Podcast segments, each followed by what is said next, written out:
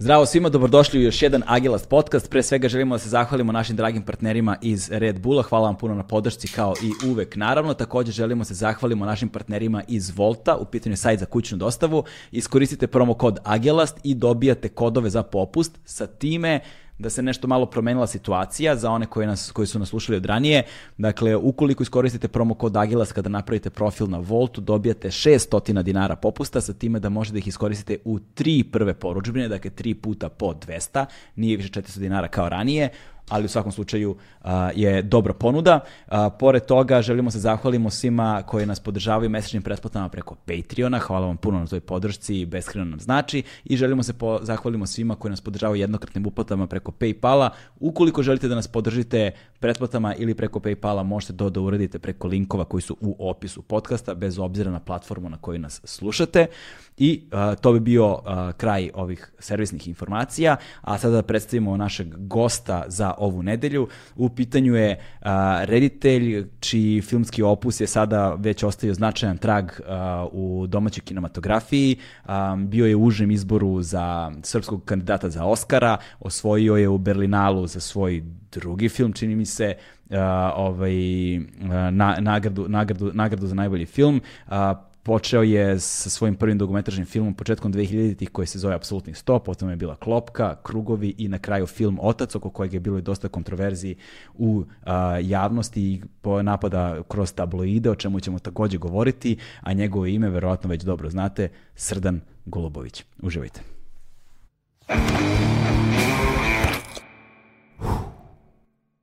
Hmm.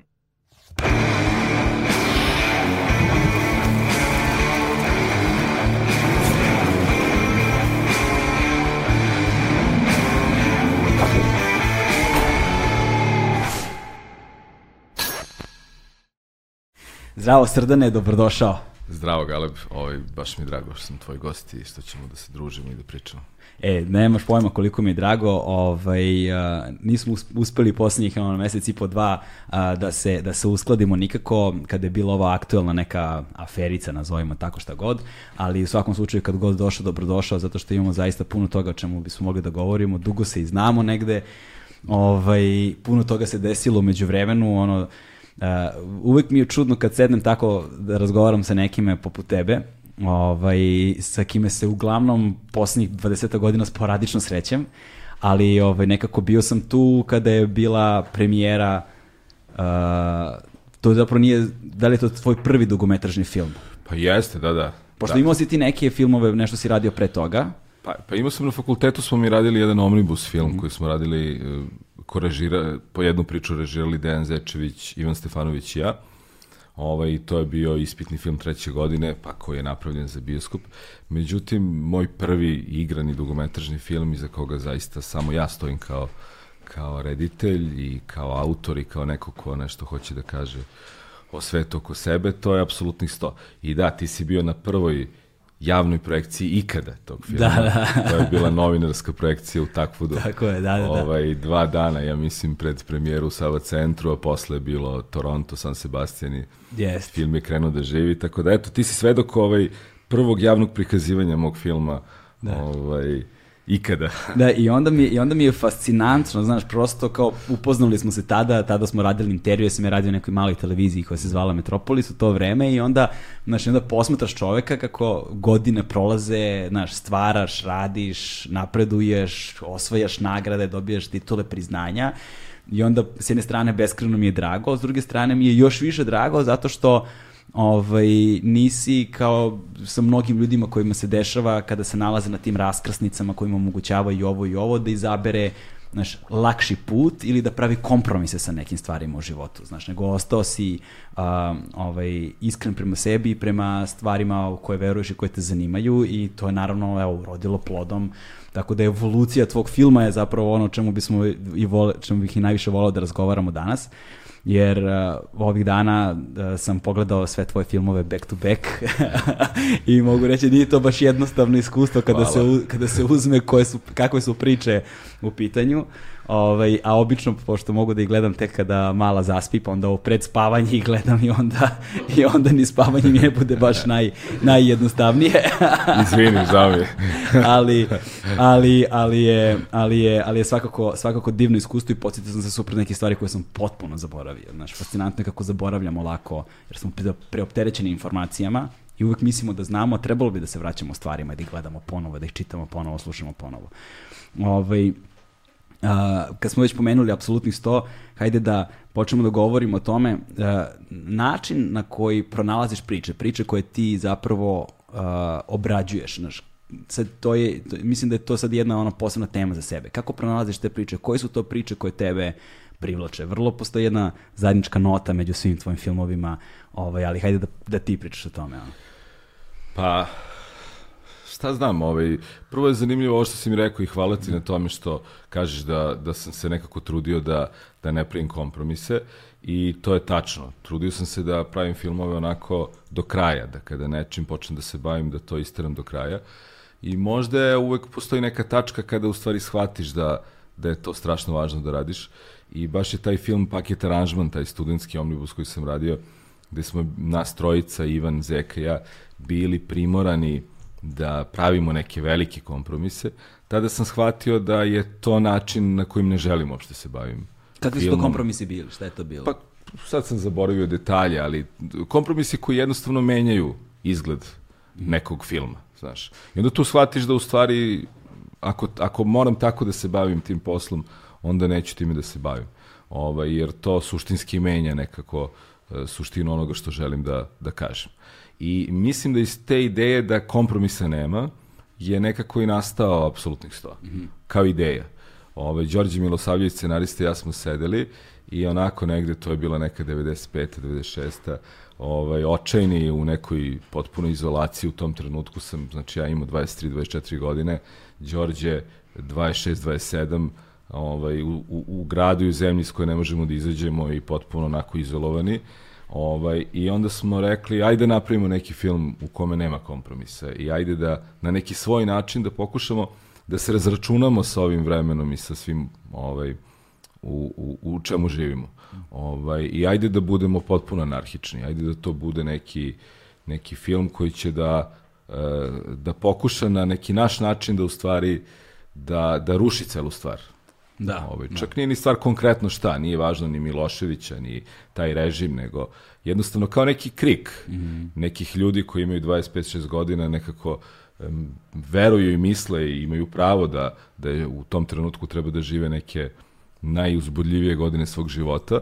Ovaj, I ajde da pustimo krik. Eto, da. to smo, Đorđe i ja, pričali u nekoj njegovoj onako dosta depresivnoj sobi. ovaj. I onda mi on zvao posle dva dana i kaže, znaš šta, imam, smislio sam nešto. A ka, koliko depresivna soba, ona? Znaš, to ovo sad mene zanima. Ti možda, je, možda je doživljaj bio depresiv. Neki stari nameštaj, nešto. Da, da, da, da. Sve je tako bilo. I verovatno nas dvojica takvih ovaj, u tom trenutku.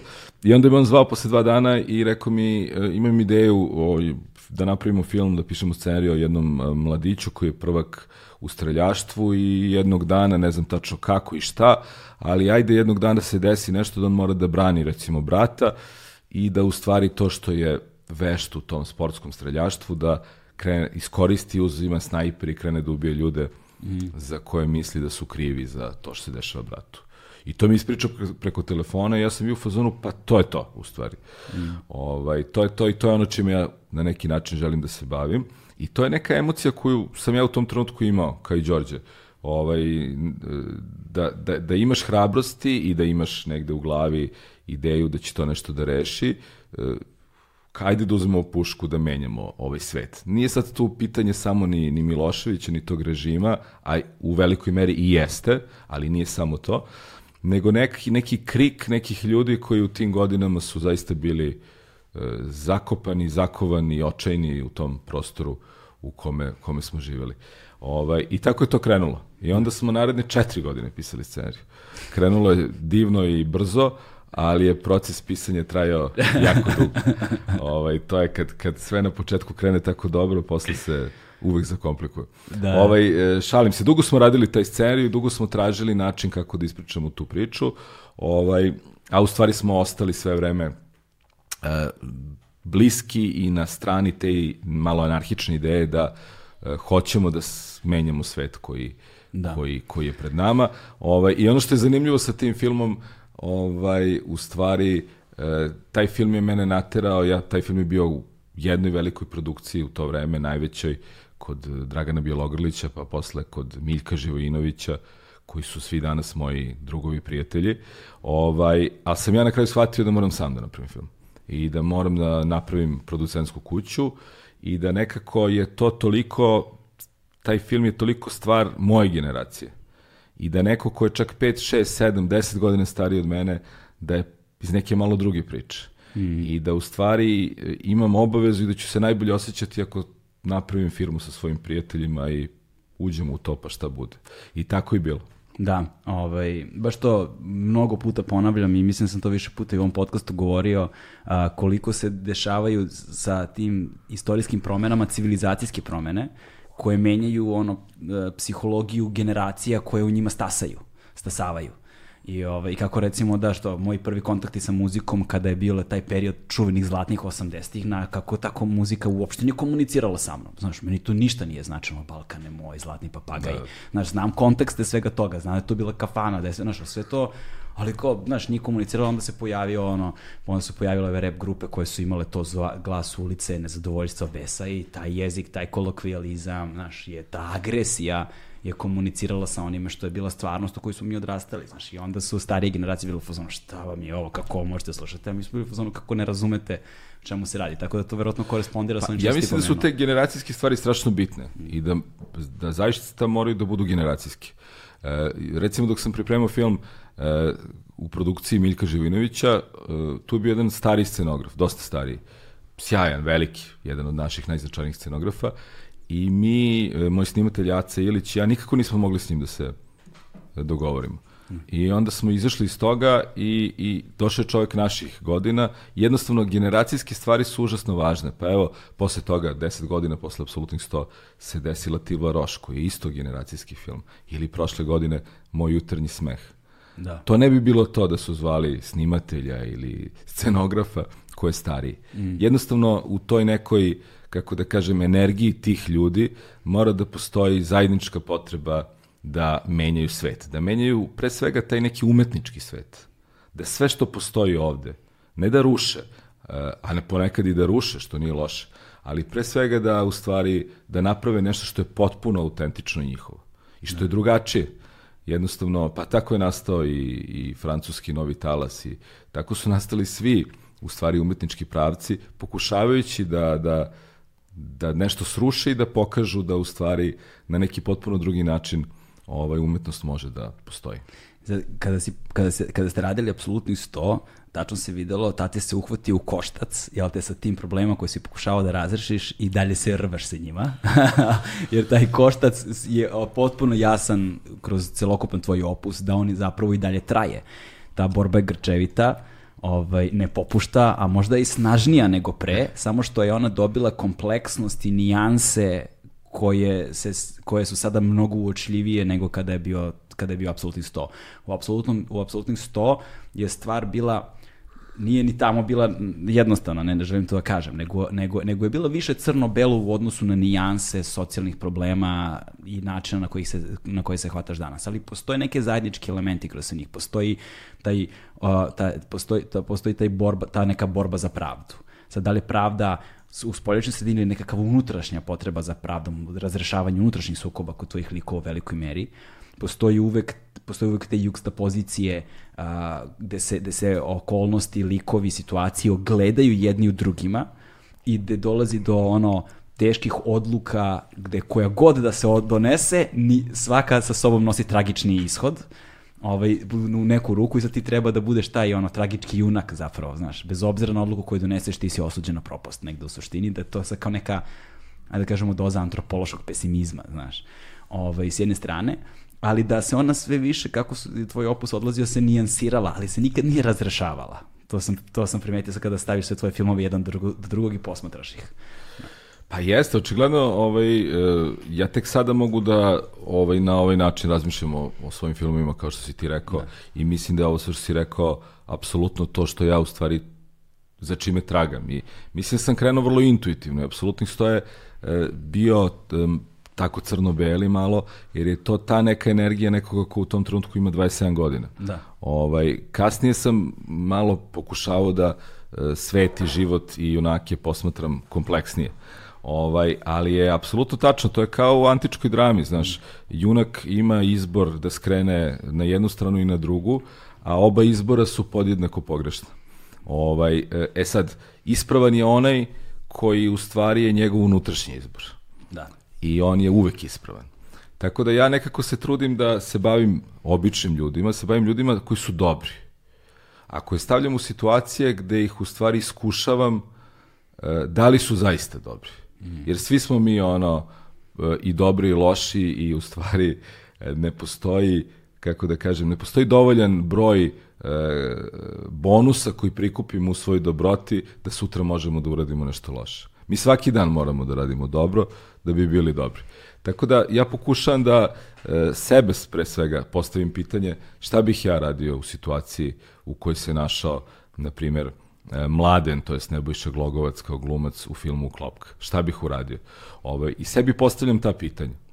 Ovaj, I onda kada sebi postavim to pitanje, počinjem u stvari da razmišljam kakav film to želim da napravim. Da. da li se taj film desio, ići, pričat ćemo o tom filmu, ali da skočimo, da. da. da li se on desio zapravo u trenutku kada si ti dobio sina? Ono? Ne, ne, ne, mnogo pre, mnogo pre. pre i to mi je bio veliki problem, jer da. sam ja mislio da da li mogu da napravim film, a da u stvari e, koji se toliko bavi očinstvom i pitanjem deteta i mm. porodice, i, ovaj, a da nemam dete. Ovaj, onda sam rekao sebi, ok, ali e, svo iskustvo koje imam iz svog odrastanja u stvari i, i odnos i ljubav koji, koju sam dobio od svojih roditelja, pa ajde time sad malo da se bavim. Ovaj, ali mi je recimo, kad sam radio otac, mnogo pomoglo to što sam u tom trenutku već uveliko imao dete. Da, da.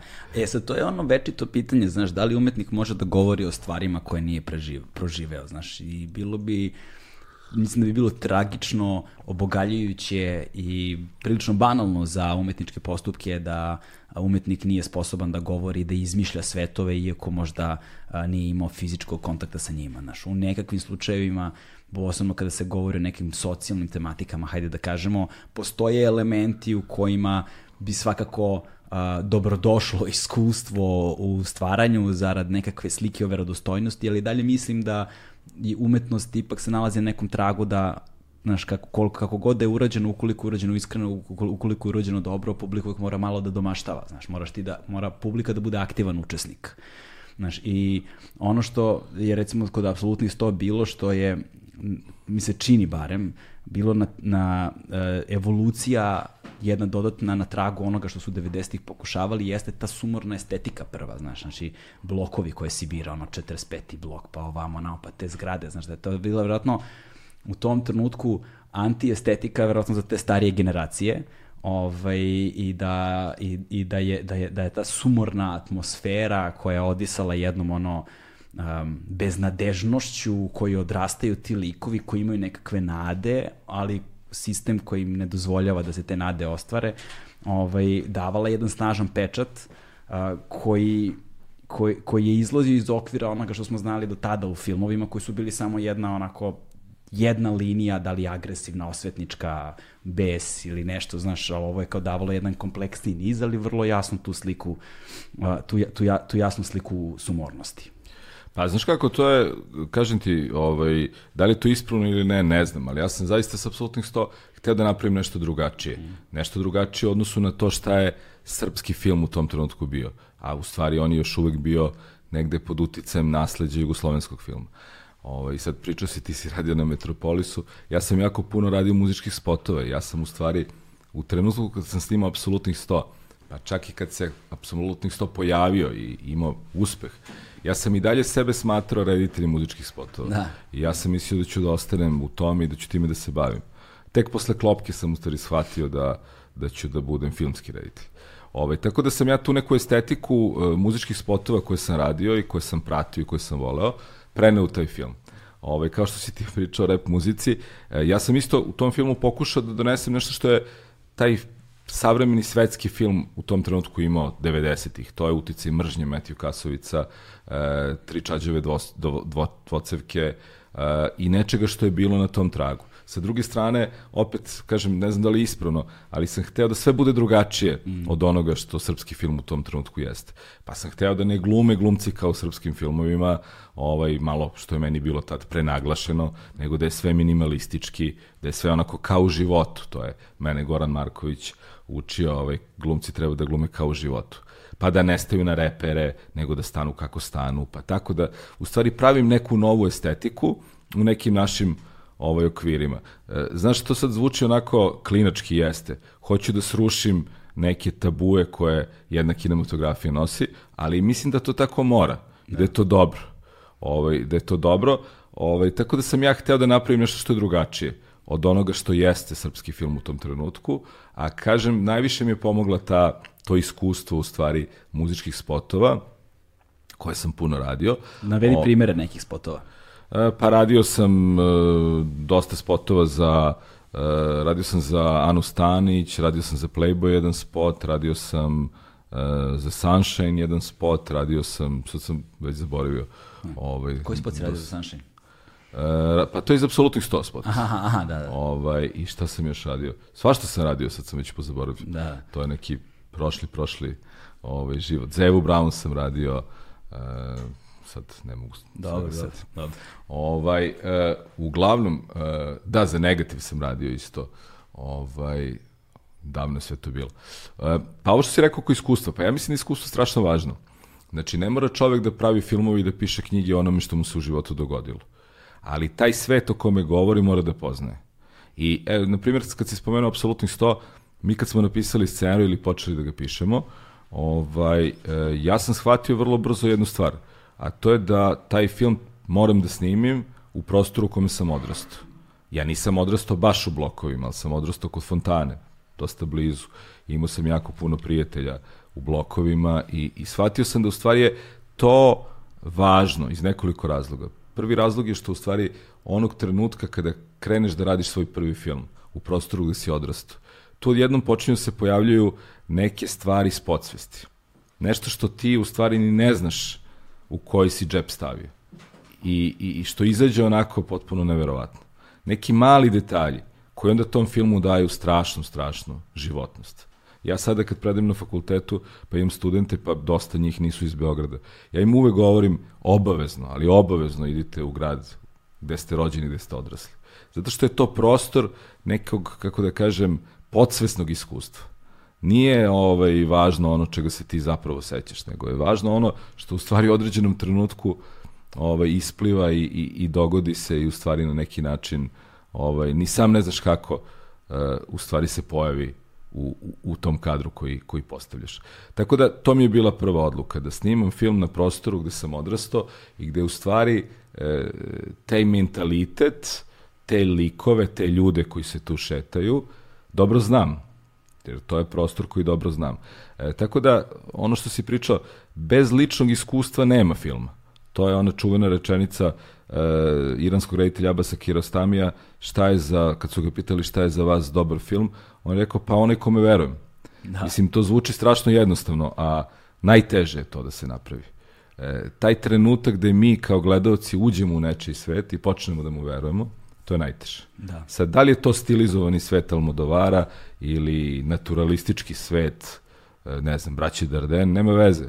Mislim, sve to neki svet koji taj reditelj e, nekim svojim iskustvom e, i, i znanjem i maštom, naravno, mora da napravi istinitim.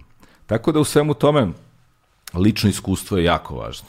I mislim da je pogrešno i glupo da se pravi nešto o čemu ne znaš ništa. Da. E sad, naravno, kažem, opet, ne možeš da praviš filmove samo onome što ti se ovaj, e, desilo. Mislim, prosto I to su i ograničene iskustva na kraju krajeva, znaš, ono. Pa mnogi od nas nemaju tako uzbudljive da, da. živote, tako da ostalo, ti filmovi bi bili malo dosadni. Da, ali, je stva, ali dobro, znaš, s druge strane, postoje i filmovi koji uh, uzimaju za tematizovanje upravo nedostatak uh, uh, drame, nedostatak uzbudljivosti dokazuju da i taj sadržaj može da bude sadržaj. Meni je to vrlo zanimljivo bilo kako je recimo Haneke uradio u filmu Amor, znaš, u kojem imaš ono dvoje vremešnih bračnih par koji su ostvareni na svim nivoima. Oni su pripadnici neke visoke srednje klase Francuza, Francuske Pariza, jel te, ost, akademici, akademski građani koji one idu u pozorište u svojoj devetoj deceni života, koji imaju decu koja su odrasla, koja su se ostvarila,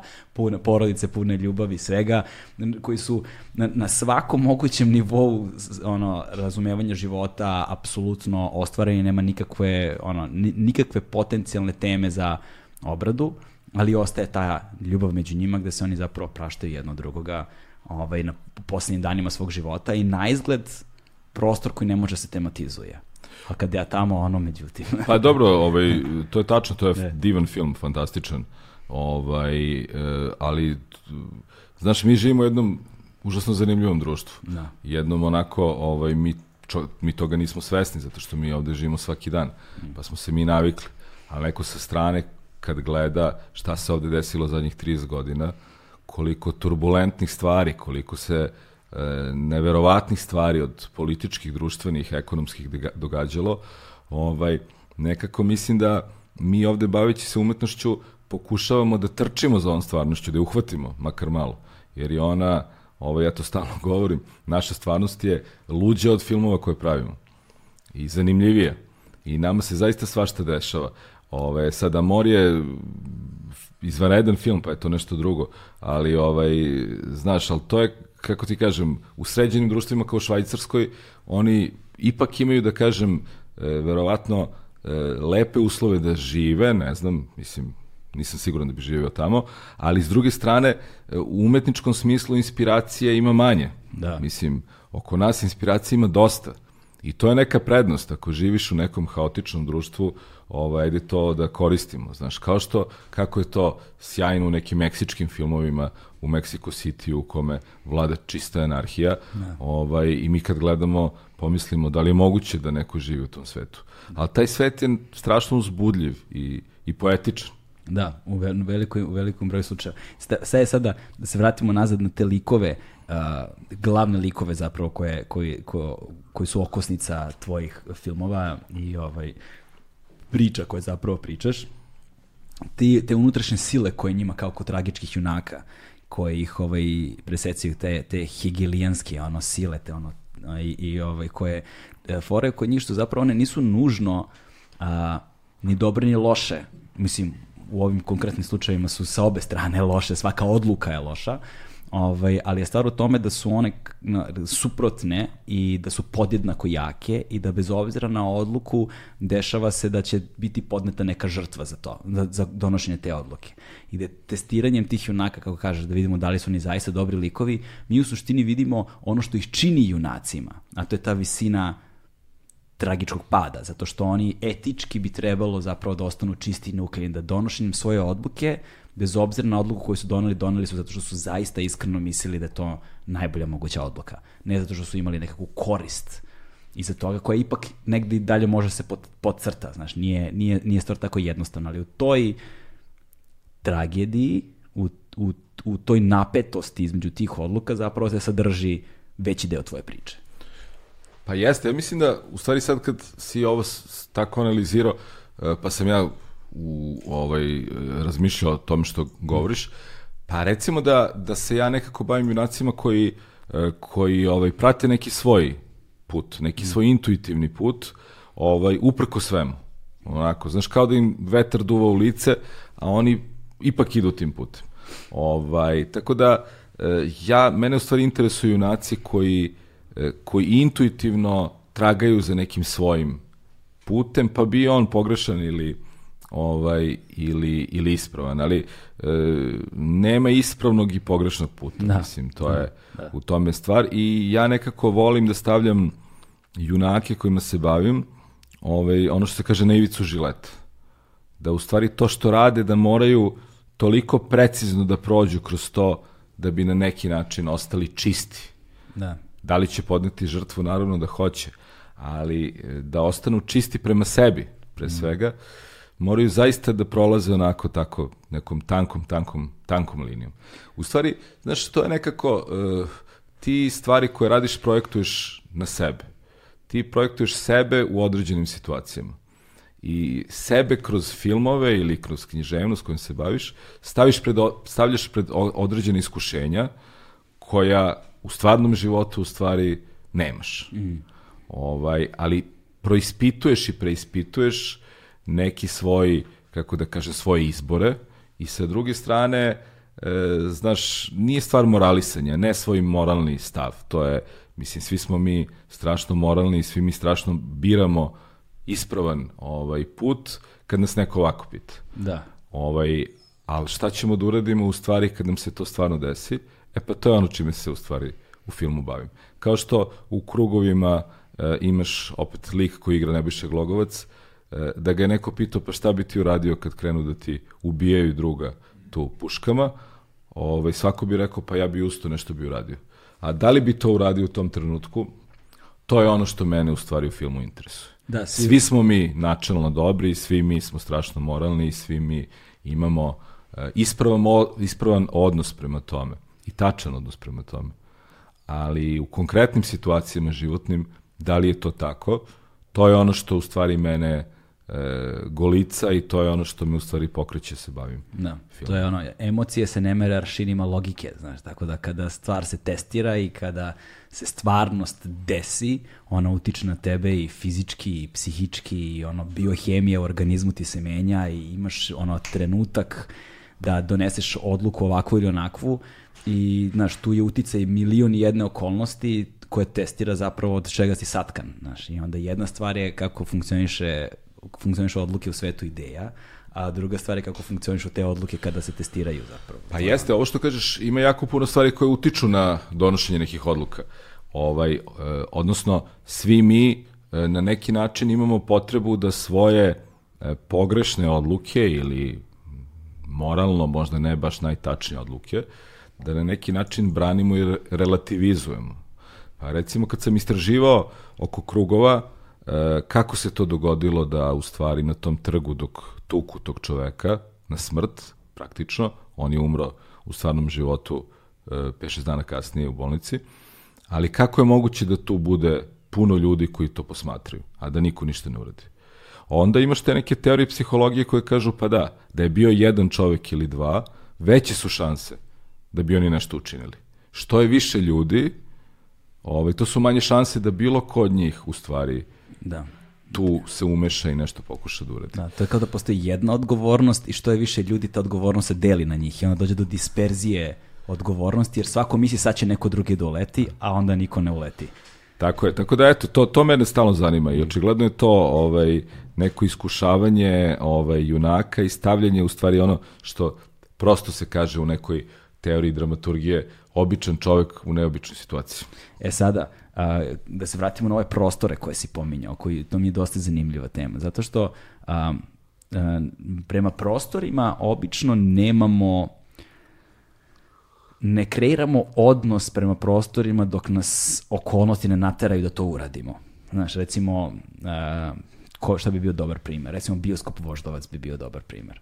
Ovaj, pošto sam ja s Voždovca, jel te, znaš. I, ovaj, I taj bioskop, ono, ne radi od 97. godine, mislim da je zatvoren, znaš. I, da, I problem je u tome što je to dugo godin, što dugo već godina, mislim da sad postoji neka galerija, nisam siguran na Voždovcu, ali da dugo godina Voždovac je opština od 230.000 stanovnika koja nema ni jednu kulturnu ustanovu, nema bioskop, nema pozorište, nema ništa.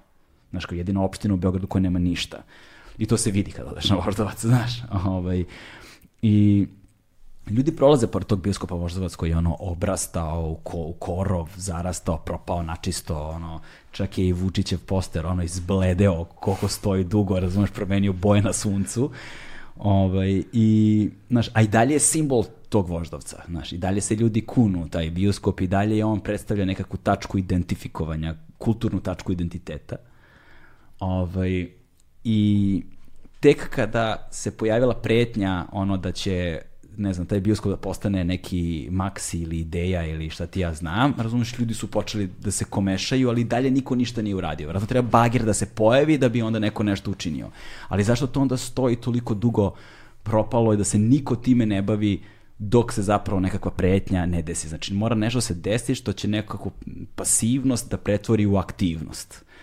Ovaj, I da mi o prostorima koji nas definišu ne razmišljamo dok ne moramo nešto s tim prostorom zapravo da uradimo. Tek onda stanemo pa budemo fazonu, jao, pa znaš, ovde sam ne znam šta uradio, ne bih baš to menjao, jao, ne bih ovo rušio, možda, ovaj, a fora je što i, i ti isto tako kada si se vraćao u svoj prostor u kojem si odrastao, ali radio si sada nešto njemu, odjednom su počele stvari da izviru na površinu. Razlika je u tome što je film uh, jako kompleksna stvar, koja ima jako puno pokretnih delova i mnogo ljudi radi na njemu. I kako ti održavaš odnos intime, znaš, u tom, tom ogromnom kolektivitetu koji zapravo u potpunosti ubija uh, ono koncept intimnosti, znaš, na prostoru na kojem se nalaziš, kada je tu, ne znam, sto nekih ljudi koji vuku kablove, rasvetu, urlaju jedni na druge, pokušava se održi disciplina, rad i tako dalje. Pa to je dosta, dosta važno pitanje. E, pa znaš šta, pravljenje filma je jedna zavera. I to je stvaranje jedne atmosfere zavere. Zavere protiv celog sveta. I nekako ovaj, u toj ekipi radi puno ljudi. Međutim, ovaj, ja nikad nisam imao problem sa tim da sve ljude koji tu rade, od vozača do glumaca, ubedim da u stvari e, treba da im je strašno stalo da budu deo toga. Ali ne zato što sad ti njih ubeđuješ, ne, to ne funkcioniše tako. Mislim da je strašno važno da e, ljudi vide da je tebi stalo. I da si ti okupio oko sebe ljude koji ti veruju. I da jednostavno se pravi neka, neka atmosfera da se tu dešava nešto važno. Najlepša stvar koju možeš da osetiš na snimanju je kada shvatiš da vozač koji te vozi, da ne znam, e, čovek u cateringu koji ti donosi kafu, e, je srećan što je deo toga. I što će sutra da prepričava da je bio deo tog projekta. Da. E, I to je atmosfera koja je važno da se napravi. Onda nije važno da li, da li je te, snimanje teško, onda nije ni važno kada se nekada radi preko vremeno, onda je reditelju dopušteno da bude i strog. Samo mora u tome da postoje dve stvari. Jedna je da se vidi da je njemu najviše stalo, jer ako je reditelju najviše stalo, bit će i drugima stalo, odnosno ako reditelju nije dovoljno stalo, zašto bi ostalima bilo do toga toliko stalo. I druga stvar koju sam ja naučio, dosta jednostavno, pošto moj otac se bavio filmom, ja imam užasno poštovanje prema svakome u toj ekipi. Od najmanje važnog do najviše važnog, svako tu na neki svoj način doprinosi ovaj, e, celom tom procesu. Tako da, e, tako se pravi ta neka, da kažem, atmosfera unutar ekipe. Ovaj, je, filmska ekipa je kao brod, mora da ima kapitana, ovaj, mora da se zna ko šta radi, mora da postoji disciplina. Ovaj, e, ali ako se uspostavi neki lep odnos unutar te hijerarhije discipline, ovaj, filmska ekipa je zaista jedno divno biće koje stremi jednom istom cilju. Sad tu ljudi dolaze iz različitih motiva, najviše njih naravno da bi prehranili svoje porodice. Ovaj, ali s druge strane, e, suština toga je da u stvari počnu da veruju u ono u što i ti veruješ. I da se bore za taj film, da im je stalo. Tako da, kažem, e, filmska ekipa je jedna zavera. Da. I ja mnogo volim to kako u stvari e, filmska ekipa diše i radi i zato ovaj, najviše volim kada se snima na terenu van Beograda. Jer je tu prilika da u stvari da ljudi zaista žive zajedno. Da, da, ne idu kućama kad se smena završi, nego je. ostajete svi. I svojim problemima, da. što je potpuno normalno, znaš. Ovaj, ovako svi odlaze u hotel ili neki smeštaj i opet e, su, kako da kažem, u polju, u prostoru tog filma. Da, kao što je film na neki način bekstvo iz stvarnosti, da bismo stvarnost bolje upoznali, upoznali, na taj ne, na neki način je i stvaranje filma istovremeno bekstvo iz stvarnosti. To apsolutno je iz stvarnosti. Ovo, ja znam po sebi kad snimam filmove, e, ja nemam pojma šta se dešava oko, oko mene. Ovaj, naprimer, e, veliki sam bio ovaj, opozicionar i na svim demonstracijama sam bio 90-ih i svašta ovaj, tu, od studentskih do ovih 96. 97. kad sam izvršio fakultet, ovaj, e, nama se 5. oktober desio u sred snimanja apsolutnih 100. I mi smo prekinuli snimanje 5. oktobra i otišli ispred Skupštine. Ovaj, ali ja neko ko je bio i, i, i hapšen i toliko protiv režima, e, nedelju dana pre toga nisi imao pojma da će to se desi. Jer te film izbaci iz objektivne stvarnosti i ubacite u nešto što je potpuno e, neki drugi svet. Tako da, to je divno u ovaj filma. A nešto bih samo dodao ono što si pričao o bioskopu Voždovac ovaj, i tom nekom, e, kako da kažem, tim e, tačkama našeg identiteta. Mislim da smo se malo umorili, jer oko nas se strašno puno ruše e, simboli našeg identiteta mm -hmm. i našeg sećanja. Ovaj, I onda kad se desi nešto što je drastično, a drastična stvar jeste da je bioskop Voždovac jedini simbol kulturnog identiteta na, to, na tom prostoru, na opštini Voždovac, mm. onda se ljudima u stvari e, desi neki bes, pa bunt, pa onda taj bunt preraste u nešto što je artikulisana akcija spašavanja nečega. Ali znaš, kao što vidiš, oko nas e, ti e, identitetski elementi nestaju. I ja sam bavići se ocem, ovaj, u stvari, kad sam radio oca, e, otišao u Priboj, koji je simbol, u stvari, Jugoslavije koji je grad koji je nastao kao simbol industrije te socijalističke federativne republike Jugoslavije. I to je sada sve ovaj, rastureno i od toga nema ništa. A mi smo rođeni ovaj, svi u toj zemlji ovaj, i to je bio u stvari ta industrija i to sve što je FAP i Priboj kao grad su predstavljali, jeste deo nekog našeg identiteta. I to mi je bilo isto jako zanimljivo da u stvari na taj način se ja nekako opet bavim svojim identitetom, koji, koji nestaje ili se menja, ili što kažeš, stvari se menjaju, pa to, to je i normalno. Mm. Ovaj, nekada možda mi samo to previše emocionalno shvatamo. Ali nije onog trenutka kada shvatiš da e, se neki svet ruši, a da taj novi koji se pojavljuje ovaj, ne nudi nikakvo rešenje. Da. Ove, ovaj, sada, još jedna stvar koja je negde, mi je negde važna da postavimo kao taj temelj okvira razgovora ovaj, kada govorimo o tvom opusu a, sa apsolutni 100. Dakle, naš, pomen, pomenuli smo ono, nekakve motive, teme, junake, a, sukobe, te dramske sukobe i njihova potencijalna razrešenja ili nedostatak razrešenja. Nekada je samo postavljene pitanja, nije davanje odgovora. Ovaj, Uh, I sad pričat ćemo i o to kako se ono film pravi, mislim da je to da. važno strašno da govorimo o tome, da govorimo o tome kako se priče pronalaze i kako se na te priče prevode u filmski jezik, ali isto tako je vrlo zanimljivo da li, da li kroz te kreiranje tih svetova, kroz te eskapizme, kroz te relacije, međuljudske odnose koji stvaraju određenu ambijent i određenu atmosferu, koja vjerojatno i vas uzajamno povezuje, uh, se dešava i to da brojni reditelji, pa negde i ti to se može primetiti kao pravilo, vrlo često rade s istim ljudima. I istim glumcima. Pa jeste, znaš šta, mislim, ja pre svega radim s istom ekipom. To je ekipa, ovaj, direktor fotografije s kojim radim od fakulteta, ovaj, on mi je i kum, najbolji prijatelj. Nepotizam. Aleksandar Ilić, ovaj, i scenograf i kostimograf i veliki deo ekipe. Ovaj, pa ja nekako volim da volim da radim sa ljudima u koji imam poverenja i sa kojima se razumem dobro. I volim da ovaj nekako zajedno nastavljamo neku priču i da pokušamo da pronalazimo nešto novo što nas zanima.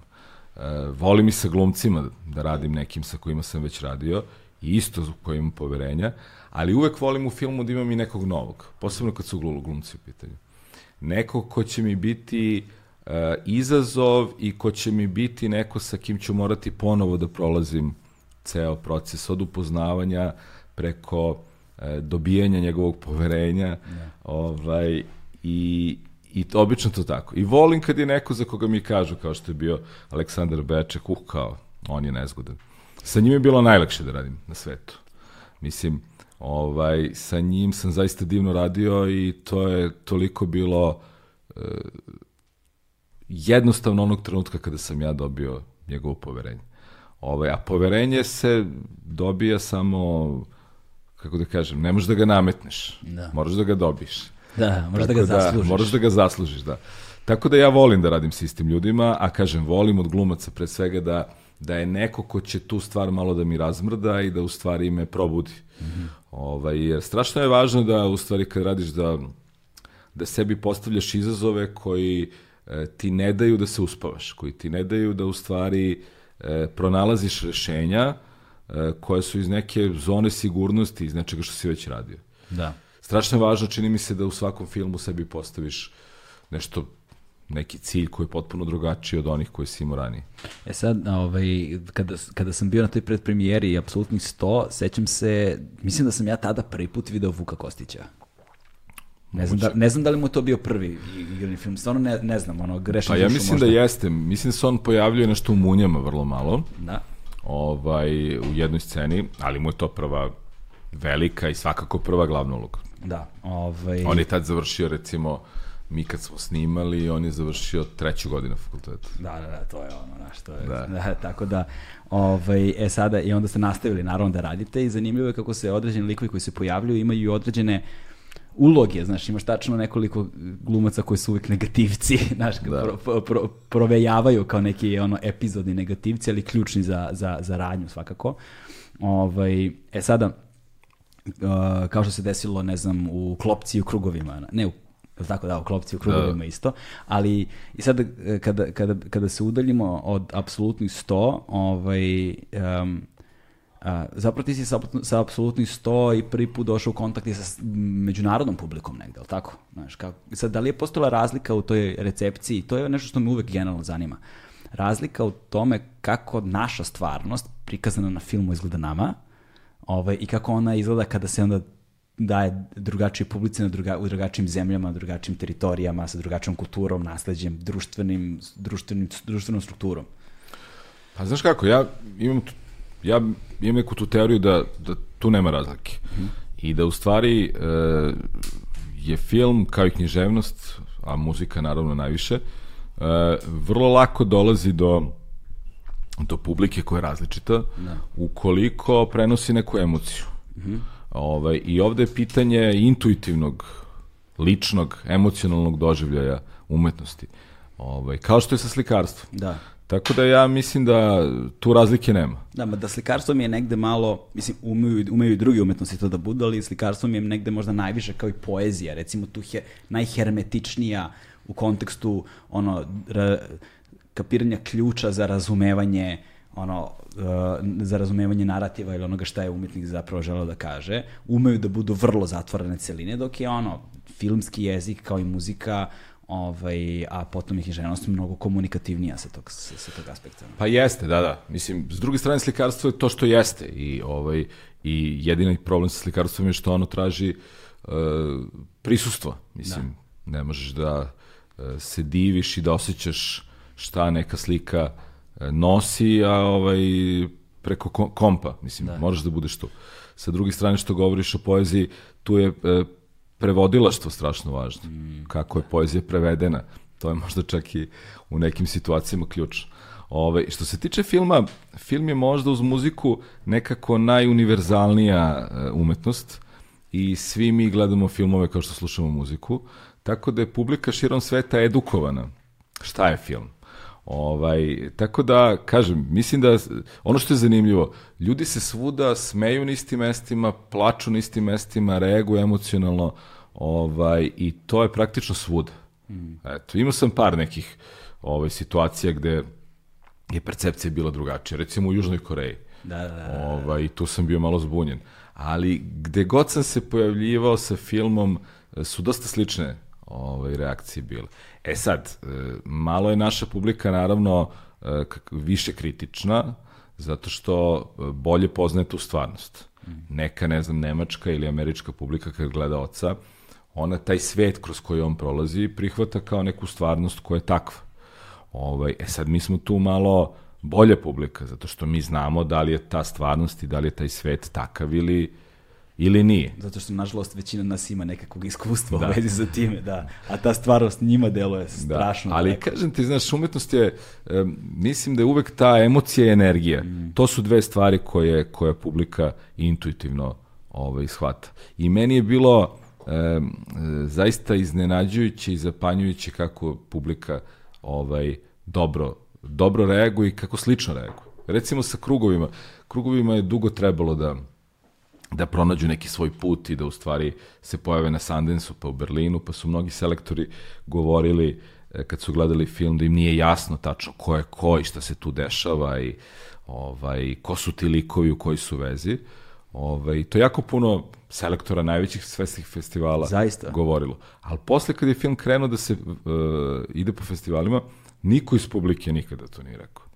Mislim, niko iz publike nije postavio to pitanje. Da, ja kao publika, ću ti reći da nisam ni u jednom trenutku imao tu dilemu. To da. ta, tako da, hoću da kažem... Mislim, e, samo sam znao, izvini što te prekidam, samo sam znao da postoji anticipacija otkrivanja trenutka koji povezuje likove, Da. Znaš, i da si sve vreme u toj anticipaciji čekaš ono što je zapravo kraj filma koji ti ono odmotava celokupno klupko unazad, ali nije bilo uh, nije bilo nepoznatih u kontekstu relacija, više je bilo u kontekstu ono suspensa što bi se znaš, znači znaš, ne, stoji nekakva misterija, nekakav veo tajne, aha, na koji način su oni povezani, šta je to što se desilo, zbog čega su oni povezani. Samo ti je jasno da lika s početka nema i da je verovatno nešto vezi sa njime, ali šta, ne znaš. Pa jeste, da. Mislim, dobro, mi, mi malo znamo i po imenima, znaš. Kad da, se da. neko zove Haris, mi znamo ovaj, da je ko je veroispovesti kad se neko zove drugačije, tako da mi tu lakše hvatamo. Da, da, da. Ali k, moje mišljenje je da publika svuda reaguje isto. I to je strašno zanimljivo i to je, to je baš lepo. Da. Ovaj, I kažem ti, neverovatno je na istim mestima publika plače, na istim se smeje. I, ovaj, I to nekako, u stvari je film strašno uh, univerzalna umetnost i verovatno smo svi mi širom sveta odrastali i, i učili film iz istih nekih, u stvari, primera i od Johna Forda preko Hitchcocka do nekih savremenih, u stvari, filmskih autora koji su značajni i veliki. S jedne strane, a s druge strane smo na kraju dana svi ljudi.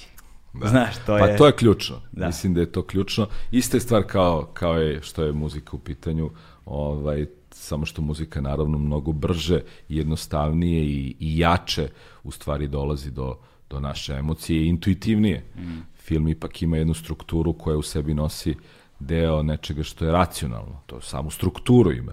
A muzika ovaj, je skroz da. intuitivno. Sad racionalno, naš je isto vrlo ovaj, uh, maglovit pojam, naš, posebno kad uzmeš likove kao što je Lynch u, ono, u Da. pitanju, onda sve odlazi dođe vola. E, baš sam čitao njegovu knjigu juče i prekjuče, ovaj, gde on o tome baš govori. E, I to je zanimljivo kako neko čiji su filmovi potpuno inti, intuitivni i pomalo i abstraktni, kako u stvari, kako on stvara taj film iz nekih slika, kao što taj film izgleda, bez neke e, ideje o priči od početka do kraja. Ovaj, ali je strašno interesantno kako on u stvari na kraju to ipak racionalno spaja. Jer tu mora da postoji jedna nit koja u stvari e, te slike i te doživljaje koje on ovaj, ima mora da spoji u jednu celinu. Da. I on baš o tome govori. I on baš govori o tome kako, eto, svi misle da kod mene to sad tako dolaze neke slike, impresije. Tačno je, to je tačno, ali na kraju to mora da ima neku strukturu. Da, da, ovaj, da se povežu nekako koherentnu celinu, znaš. Da.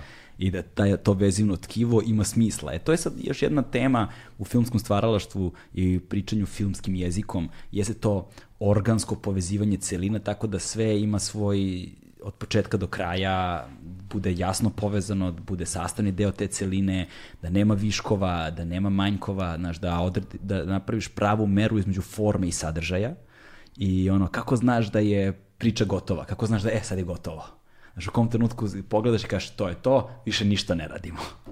Pa dobro, to je, tu nema odgovora na to pitanje.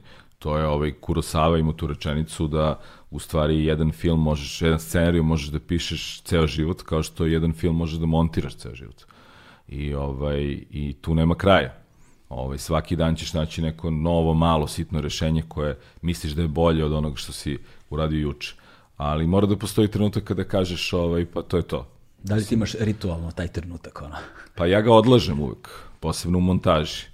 Ovaj, u pisanju scenarija možeš da ga odlažeš zato što tokom procesa snimanja ti možeš stvari ipak malo da menjaš i menjaš ih prirodno čim se pojave glumci, čim se pojavi scenografija, čim se pojavi e, cela ta stvar koja je živa, ove stvari mogu da se menjaju. Ali u montaži toga nema. U jednom trenutku moraš da kažeš to je to i da staviš tačku i to je za mene najteži trenutak. I to je kad završiš montažu slike. Eto, Da. posle ide ton i tako. Ovaj, ali za reditelj je taj trenutak u stvari neki rastanak od sobstvenog filma zauvek. I to je jedan dosta čudan trenutak. Ako provedeš 3, 4, 5 godina, zavisi, baveći se ovaj, jednom pričom i filmom i likovima i ovaj, tom idejom, ovaj, taj trenutak kada kažeš da je to to i gotovo, je dosta, dosta ovaj, teška odluka. I on zapravo u tom trenutku počinje sobstveni život nad kojim ti više nemaš kontrolu. Pa ja to volim. Kad da. film krene, u stvari ti na, na neki način imaš obavezu kao sa detetom da, da u tim njegovim prvim koracima budeš tu, da ovaj, kad krene ta premijera i sa taj neki početak života, ovaj, ali onda onog trenutka kada počne više ljudi da ga gleda i kada uđe u bioskope i kada uđe u neki veliki festivalski život, onda to više nema veze sa tobom. Onda ga ti posećuješ kao što posećuješ odraslo dete ovaj, vidite se na kafi, na ručku i tako dalje. Da. tako da onda imate neki drugi odnos. Da, da, meni to u ovom trenutku dele potpuno nezamislivo. pa i meni još da. uvek, ali, ali jednostavno je to tako. I onda da. se ti malo odmakneš. Mm. Ovaj, jer to je kao sa, kao sa decom, znaš, ne možeš da ih držiš sve vreme. Mm. Možeš da pustiš taj svoj film i da živi on sam za sebe, i da te živiš ti za sebe i da i, i, I ti i on idete dalje. Je li ima nekih razlika onda u odnosu na to kao prošlo je toliko godina i sad kad pogledaš unazad, da li nekad pustiš ono svoj film ono posle 20 godina, kao daj da vidim. Znaš. Pa ne gledam, znaš, ja obično kad, kad snimim film i kad se pojavi to, ovaj, pošto mene taj proces dosta iscrpi, ovaj, i na kraju dok ne kažem to je kraj montaže, puno puta gledam film i malo mi se ovaj, smuči sve to. Ovaj, e, I kad film doživi premijeru, ja nikad ni na jednoj premijeri, ni domaćoj, ni strano, nisam gledao film. Znači, uvek sam na početku prvih 10 minuta, onda izađem. Ne, ja. Da. Jednostavno ne mogu da gledam. Ovaj, I posle izlaska filma nekih 5, 6, 7 godina uopšte ne mogu da gledam film. Ovaj, nikad nisam pustio sebi da pogledam, ali mi se desilo, na primjer, pre 5-6 godina, apsolutno sam to bio na, na televiziji i nešto sam pri početku filma, kako je bio menju kanale, i ostavio. Da, da, da. I znači, to je nekih 15 godina posle premijere i odgledao sam ga do kraja. Ali ga nisam gledao kao da je moj film, gledao sam kao sad, eto, da. toliko je to sad već ovaj, daleko i više sam imao neke, neko sećanje na neke stvari, kako smo to radili i, ovaj, i šta se tu dešavalo. Ovaj, i, i, I naravno bio sam dosta strožiji prema svemu tome nego što sam ovaj, tada bio, ali ne volim, kad završim film, pustim ga i to je to, mislim, ovaj, ne gledam više. Ovaj, I nakon apsolutnih 100, da, znaš, ono ostavio se film, on je krenuo u svoj život i kao dolazi trenutak, treba da se ispriča nova priča. I tu dolazimo do teme ono, kako pronalaziš priču, kako znaš da je to ta priča i onda kako se ta priča posle, to je sad jedan posebna vrsta izazova, prevodi u filmski jezik. Pa znaš šta, to je za mene najteže. Ovaj, za mene je to najteže i nisam siguran da imam odgovor. Ovaj, da imam odgovor ne bih uh, snimao filmove na svakih šest godina. Da. Verovatno bi snimao mnogo brže. Ovaj, pa ja sam nekako, pokušavam da prvo nađem priču i pokušavam da, da nađem neki događaj koji mene intrigira. Ovaj, nekada se to desi brzo, nekada sporo. Recimo kad su krugovi bili u pitanju, e, sedeli smo u Nemačkoj na festivalu i moja žena je pročitala tu vest o Srđanu Aleksiću ovaj, sa nekog portala. Ja sam odmah znao da je to nešto o čemu želim da snimim film. Da je to neki e, moj intimni junak ovaj, tih 90-ih i tih svih strašnih stvari koje su desile tokom rata. Tako da tu nema pravila. Nekad brzo dođe, onda smo jako dugo ovaj, za, za krugove u stvari smišljali strukturu i pisali scenariju. Ovaj, e, to je najteži deo posla. Tražiš priču, e, čitaš neke zanimljive stvari koje se dešavaju. Ovaj, I onda malo po malo u stvari praviš scenariju. Ali i opet intuitivno je. Osetiš kad je nešto što u stvari čime želiš da se baviš. Da.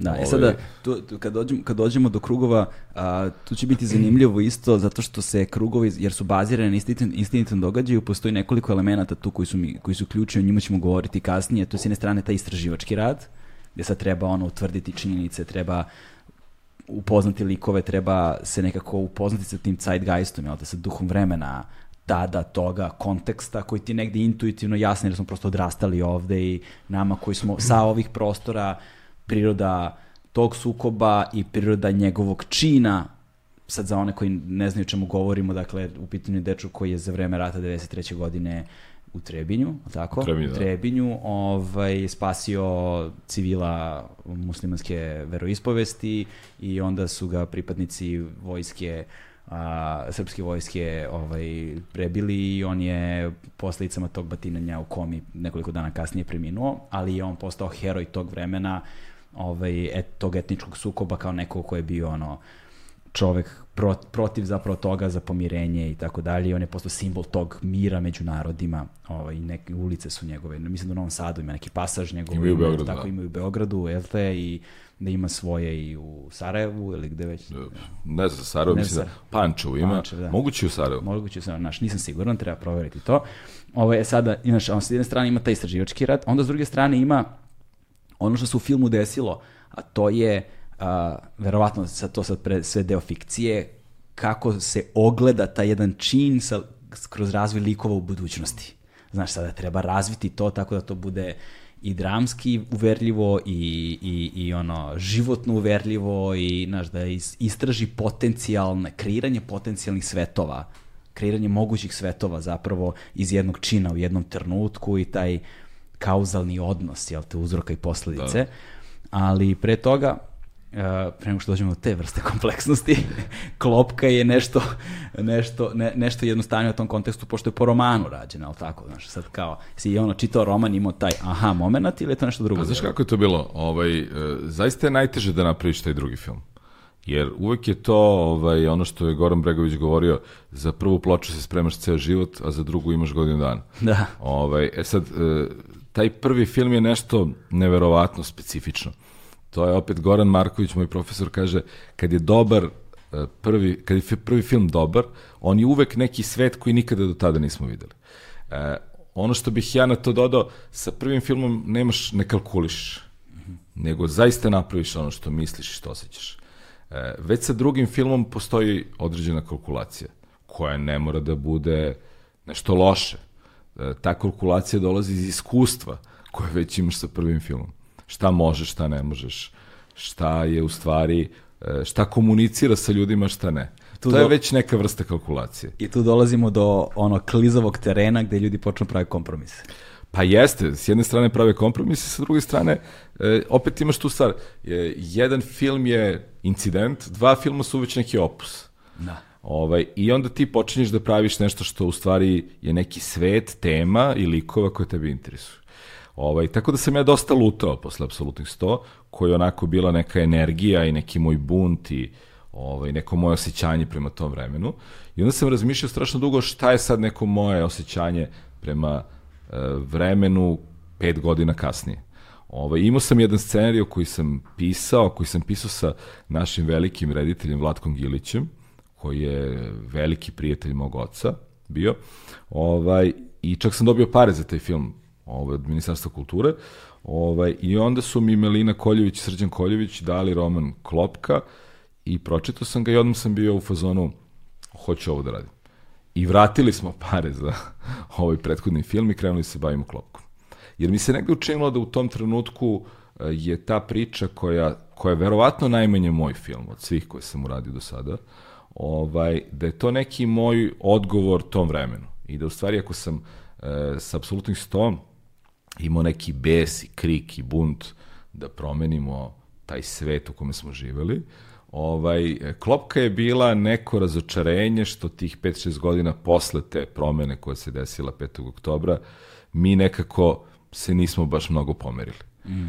Ovaj, I dalje smo verovali da ćemo da se pomerimo, nismo imali ovo saznanje koje sada imamo, ovaj, ali e, nekako sam ja u stvari bio jako razočaran što e, to, to društvo u kome živimo se nije zaista promenilo. Da. I tako je nastala u stvari e, klopka i ono što je za mene bila neka važna stvar, to je zaista bio trenutak kada je ove, kao i danas u stvari, ali u tom trenutku su po svim novinama, tada su još uvek novine bile strašno važne, bili ti oglasi za pomoć ovaj, deci koja, koja treba da idu u inostranstvo se operišu.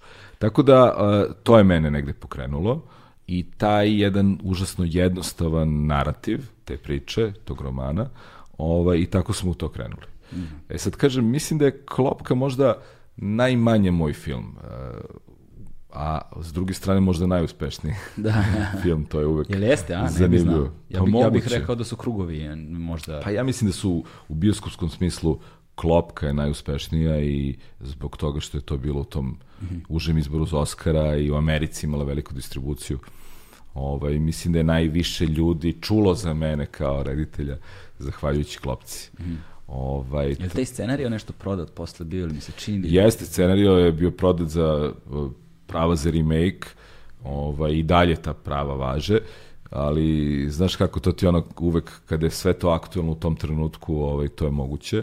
I ovaj, ja sam tad i bio u, u Los Angelesu i razgovarao sa tim ljudima i to je bilo vrlo izvesno i vrlo blizu.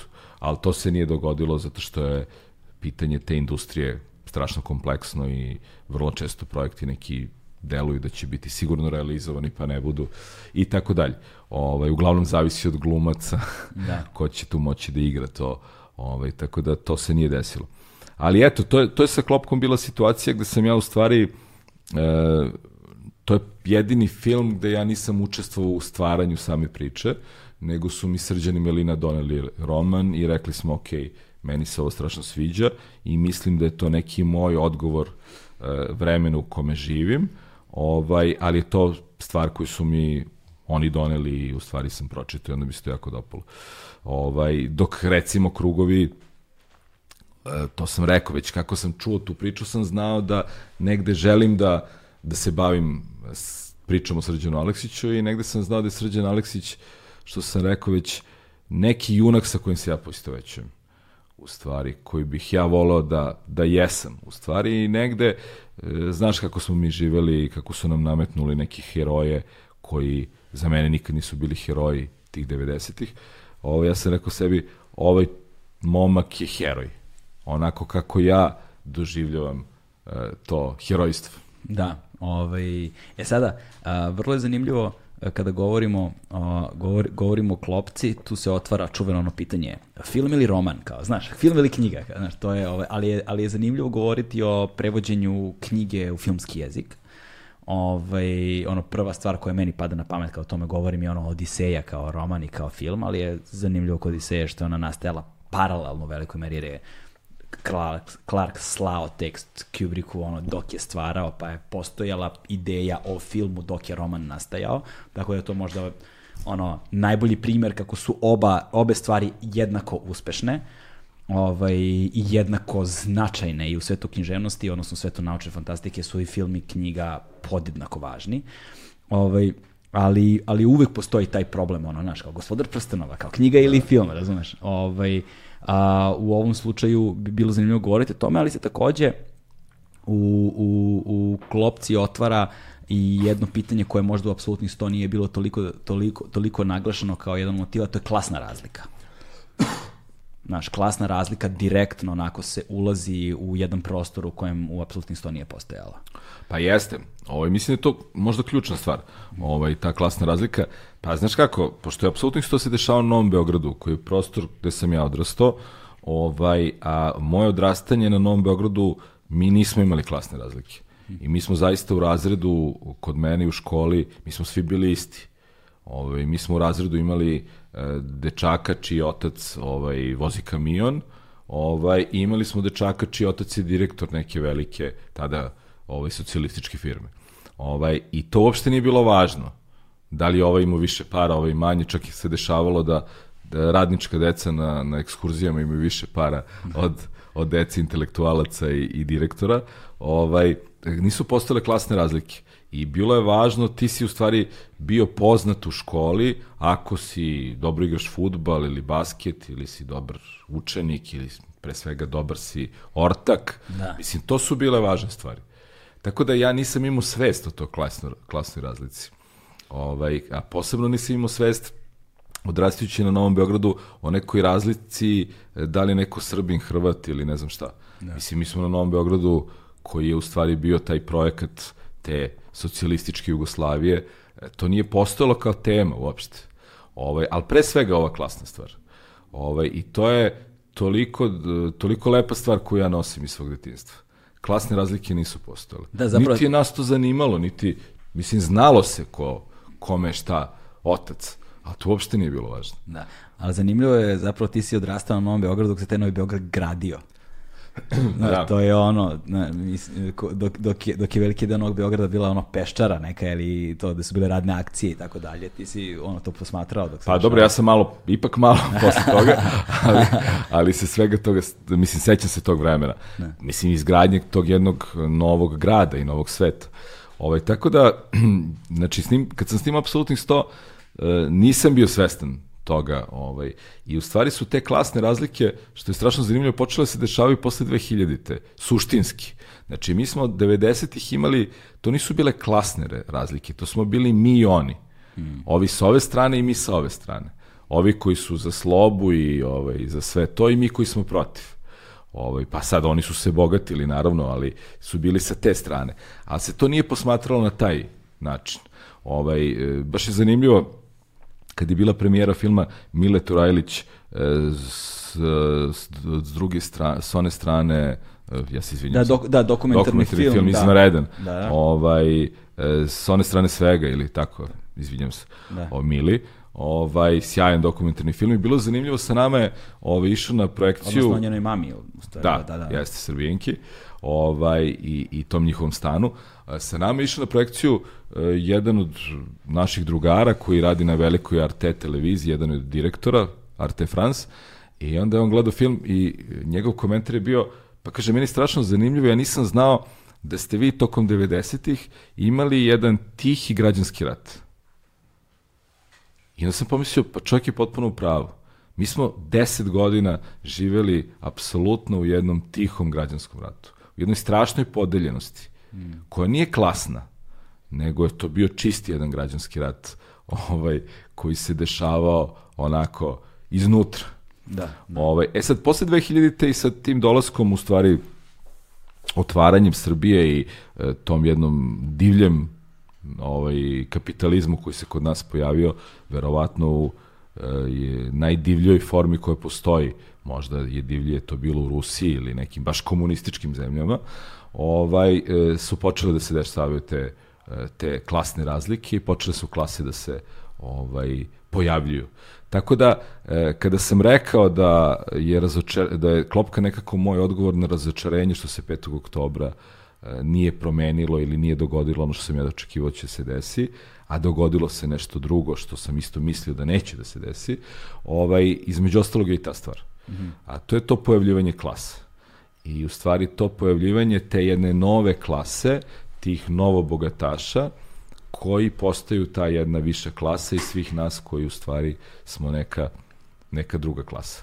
To je neki svet e, u kome mi nismo živeli. Ali je zanimljivo kako se ovaj, ta razlika, ta podeljenost u društvu je na, zapravo ostala na jednom perfidnije malo načinu, teže uočljiva, ali je ostala. Ono što je kolokvijalno nazivano prva i druga Srbija, mada su mi ono ti komentari... Misliš danas da je ostala? Da, da, ostala je. Osta, osta, ja mislim da je ostala... Ostala je danas zato što je zapravo to političko nasledđe ostalo. Znaš, a, veliki, velika većina političkih aktera su i dalje iste osobe, Znaš, nema Slobodana Miloševića, ali manje više su svi drugi tu, znaš, ovaj, iz tog perioda a, a, i dalje živimo u, u, u, ovaj, u, jedno, u, jedno, u jednom vrlo zatvorenom društvu i dalje živimo praktično u diktaturi i dalje živimo a, u jednom duboko podeljenom društvu i dalje živimo u jednom obespravljenom društvu i dalje živimo u jednom duboko siromašenom društvu. Kad govorimo o siromašenom, ne mislim samo finansijski, nego ono celokupni socioekonomski faktori koji utiču na kreiranje individue, pojedina, dakle pojedinaca, društava, zajednica koje kakvih, a, problem obrazovanja, problem, problem zdravstvene zaštite, problem ono, raspodele sredstava, problem obrazovanja, problem milion i jedne stvari koja je mnogima i dalje nedostupna. U formativnim godinama klinci i dalje ono, odrastaju na jedan vrlo, da li, znaš, neću da kažem zastareo način, da bi to pretpostavio neki moderni način, ali prevaziđene, prevaziđene, prevaziđene, prevaziđene sisteme, podele u društvu, od rodnih uloga do ovih preko onih su i dalje vrlo jasno ono nisu evoluirale.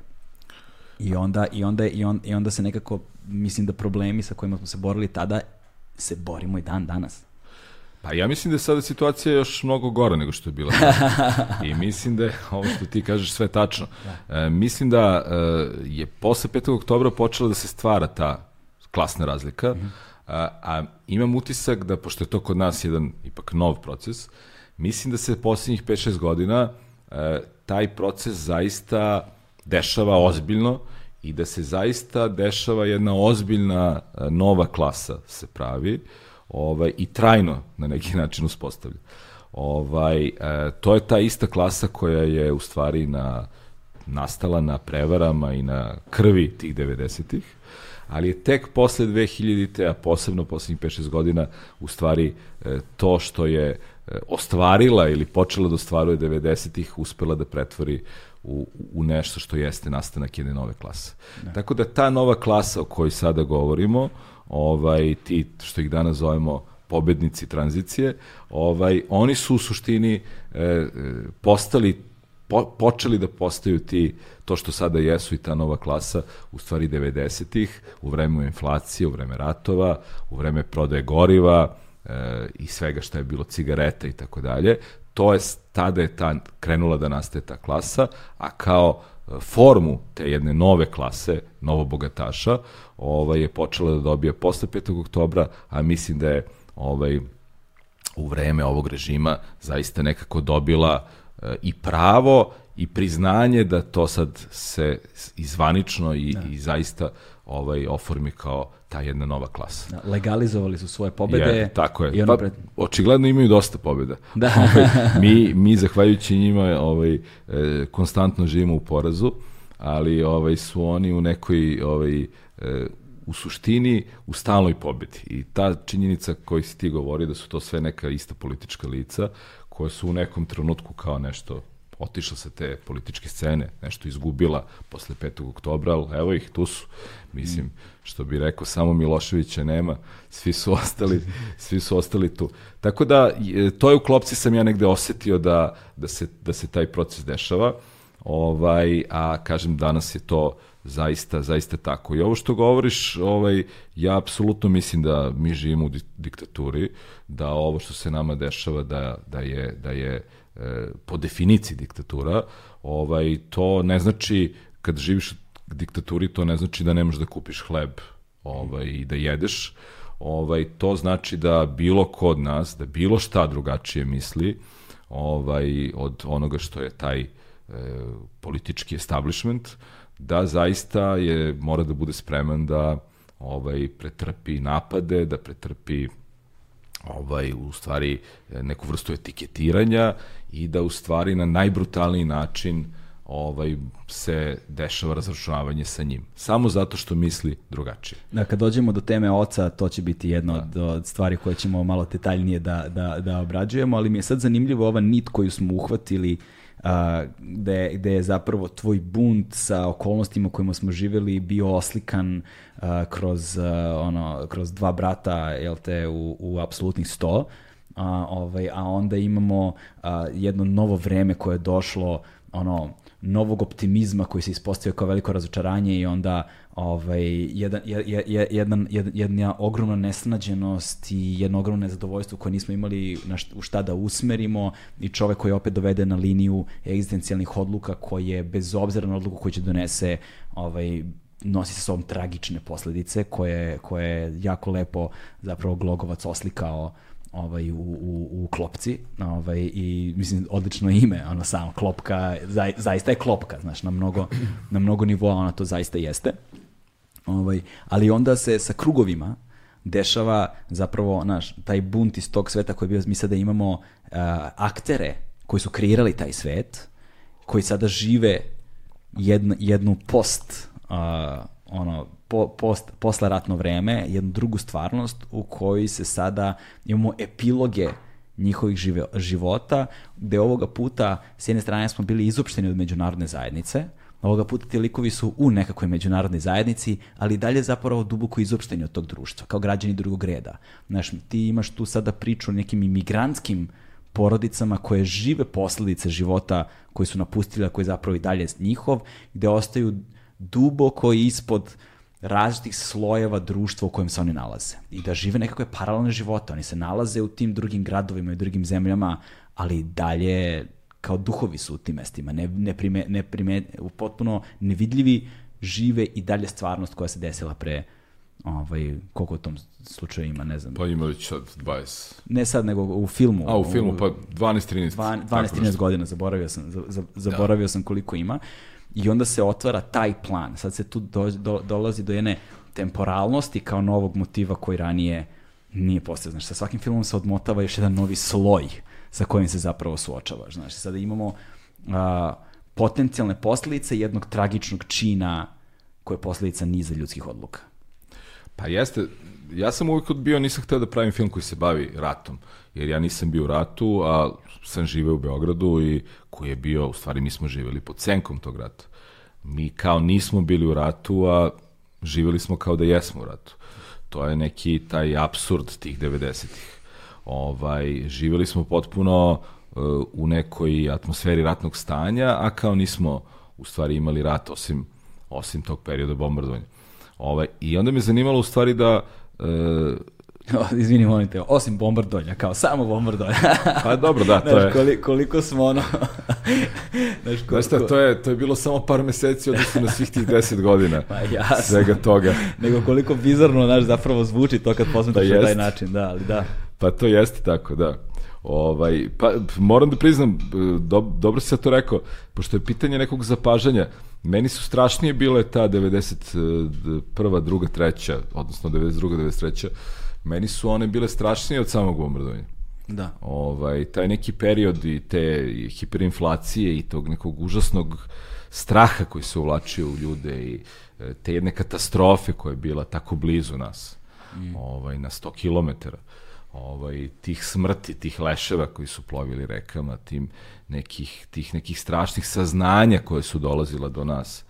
Neka smo, tad nije bilo svega ovoga interneta, da, to da. mlađa publika možda ne može da razume. Ovaj, mi smo dosta sporo i teško saznavali što se tamo dešava. Meni je ta atmosfera e, tog, e, kako da kažem, neizvesnosti nekako bila puno teža nego samo, samo bombardovanje.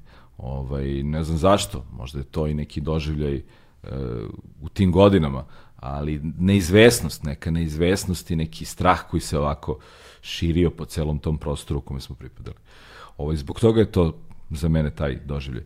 A, što se tiče krugova, ja sam onda shvatio da u stvari e, da kroz Srđana Aleksića želim da napravim film o ratu, a, jer nekako ne mogu da ignorišem da se taj rat desio i da i za nas koji smo živjeli u Beogradu, da nam je on promenio život. I da, nam je, da nas je on negde duboko odredio. I da neću da pravim nikada ratni film i film o, ra, o samom ratu, jer u ratu nisam bio, opet se vraćamo na ono pitanje iskustva, ovaj, mislim da ne bi bilo istinito to, to da radim. Ali je to neka post-trauma, postratna trauma, kao što kažeš, svi su ti ljudi u stvari žive i živeće do kraja života, traumu jednog događaja. Mm. Ovaj, e, odnosno, e, živeće pod senkom tog događaja koji je apsolutno njih promenio njihov život. Da. Na vrlo različite načine. Od onoga što igra Nebojša Glogovac, e, e čoveka koji u stvari nije ništa učinio da spasi svog najboljeg druga, koja je možda neka pozicija svih nas ovde u Beogradu. Znaš, da. mi smo demonstrirali, bunili se protiv rata, nešto pokušavali, ali u stvari ništa nismo radili. Ovaj, a verovatno nismo ništa ni mogli, ne verovatno, nego sigurno nismo mogli ništa da uradimo. Do u stvari ovog čoveka kome je taj događaj podario život, mm -hmm. nastavak života, a sa druge strane doneo jedan ožiljak koji, koji je strašan. Strašan i užasno dubok. I ožiljak koga on neće moći nikada da se oslobodi. I u stvari, e, to je jedan od razloga koji njega čini ovaj apatridom. Da. I u stvari on ne pripada ni tamo gde je otišao, a još manje pripada tamo odakle je pobegao. I u stvari ga stavlja u neki abstraktni prostor u kome, kao što su i one zgrade gde on živi, jedan abstraktni prostor u kome je on osuđen da živi do kraja života. Niti ima tu novu zemlju, a onu svoju domovinu ovaj, je zaovek izgubio. Da. Tog trenutka kada se to desi. Taj film bi zapravo mogao da se zove i, i, i između svetova. pa jeste, da. Mislim da ima nekoliko filmova koji se tako zove. A, da, ne znam. Ovaj, jeste. Pa, znaš šta, to je, to je upravo to. Ovaj, to jeste između svetova i svi ti junaci jesu između svetova. I e, kada, kada smo sada govorili o tom junaku, o tom Harisu kog igra Leon Lučev, koji je u stvari apatrid, ovaj, u i, i u svojoj zemlji, u toj zemlji gde sada živi. E, isto je tako postavljen i lik doktora koga igra Nebojša Glogovac i on je nekako niti je tamo, niti je ovde. Ovaj, isto je to slučaj i sa ovom Hristinom Popović, u stvari sad sam zaboravio kako se zove taj lik. Ovaj, to su ti ljudi koji će zauvek biti neki nomadi. Jer je ta, taj događaj i, i ta strašna stvar koja se desila u stvari uh, napravila njih ljudima koji će u stvari do kraja života da beže. Da. Kao da beže od svoje senke. Da. Kao da beže od tog događaja koji je toliko promenio i kao da u stvari kroz to stalno bežanje i nomadski život u stvari pokušavaju da pobegnu tog sećanja. E, sa Glogovcem u filmu Klopka se otvara, nakon čina, se otvara jedna dimenzija koja postaje ključna posle za razumevanje krugova. Je jedna od dimenzija, a to je krivica Znaš, uh, krivica uh, nakon čina, ovaj, u ovom slučaju ubistva, jel te, u, u, u, u klopci, ovde se osjeća, ovde se ta tema krivice kao motiv, kao još jedan sloj u tvojim pričama, se otvara kao jedna od ključnih stva, stavki koja opseda sve likove svi, znaš, imaš samo ovog uh, generala, vojnika, šta li je već kako, kako se zove, zaboravio, zaboravio sam mu ime u, u, u filmu, uh, kao lika koji je... Što, što Boris igra. Tako je, da. Ovaj, kod njega jedino otvaramo, uh, jedino on je, on ostaje uh, otporan na to osjećanje do samog kraja. Znaš, do, do samog kraja, da, da, da i kod njega postaje jasno, možda i snažnije nego kod drugih likova, to osjećanje krivice, ali to osjećanje krivice onda um, posledično otvara i temu opraštanja, temu pomirenja, koja je a, možda jedna od najvažnijih tema koje bi naše generacije trebalo da razreše, barem kada govorimo o ovim prostorima i da se negde možda jednog dana za, za ovek stavi tačka na sukobe koji su, koji su se desili pre 30 godina. Pa jeste, mislim da je to uh, za mene bilo dosta važno u smislu da uh, ja nemam dilemu da li oni koji su zaista krivi, kao što je to u filmu Boris Isaković, koji su počinili zločin, da li su oni krivi. Ovaj, mene uvek zanima, zanimala krivica kod onih koji nisu činili, nego baš ništa nisu učinili mm. da se to ne dogodi. Kako kaže, a, da bi zlo pobedilo dovoljno je samo da oni koji su dobri ne urade ništa.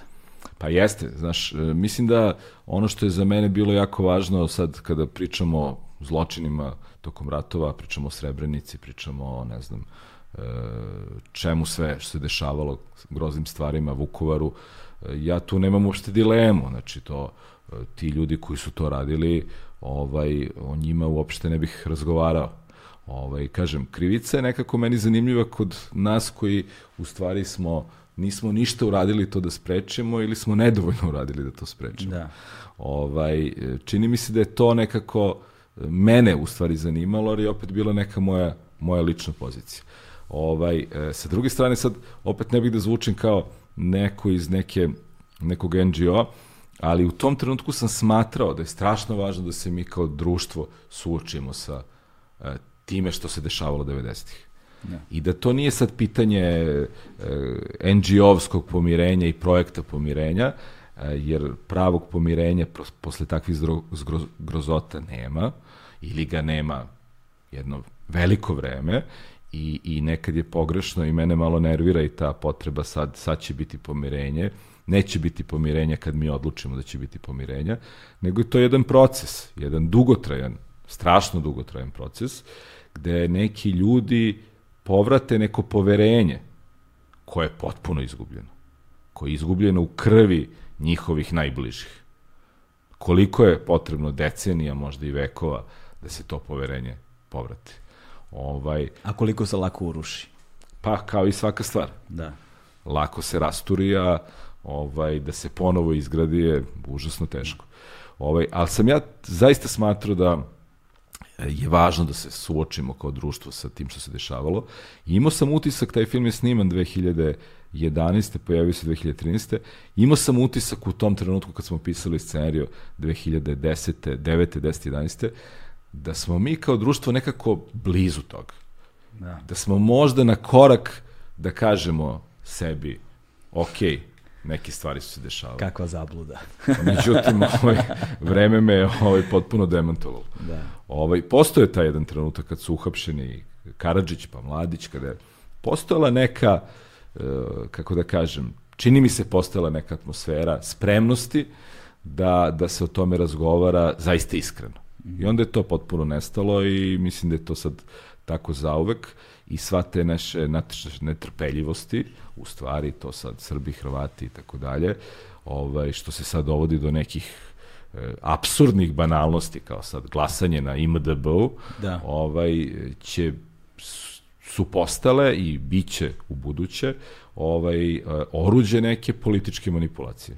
E sad, da, ta politička manipulacija, zapravo to veštačko upumpavanje kao inekcijom steroida, ono, upumpavanje tih ideja, da li nacionalističkih, da li ovakvih, da li onakvih, ovaj, je upravo jedno od ključnih oruđa koje nam ne dozvoljava, koje nas imobiliše, koje nas parališe da kao društvo nastavimo dalje, da se možda ono odmotavamo odnos prema tim stvarima u prošlosti. I, ovaj, i veoma je zanimljivo uh, kada, kada govorimo o njima, znaš, kada, posma, kada posmatramo film i kao, kao što su krugovi i kada posmatramo unazad, uh, određivanje i projektovanje potencijalne budućnosti naš, tih činova. To je ono što je meni fascinantno, recimo, naš, u krugovima. Znači, ti si uzeo jedan trenutak, znaš, i te potencijalne aktera, ali si ih onda izmestio potpunosti u jedno vreme kasnije. Znaš, kako je izgledalo građenje te priče uh, upravo uzrokovane tim jednim stvarnim događajem?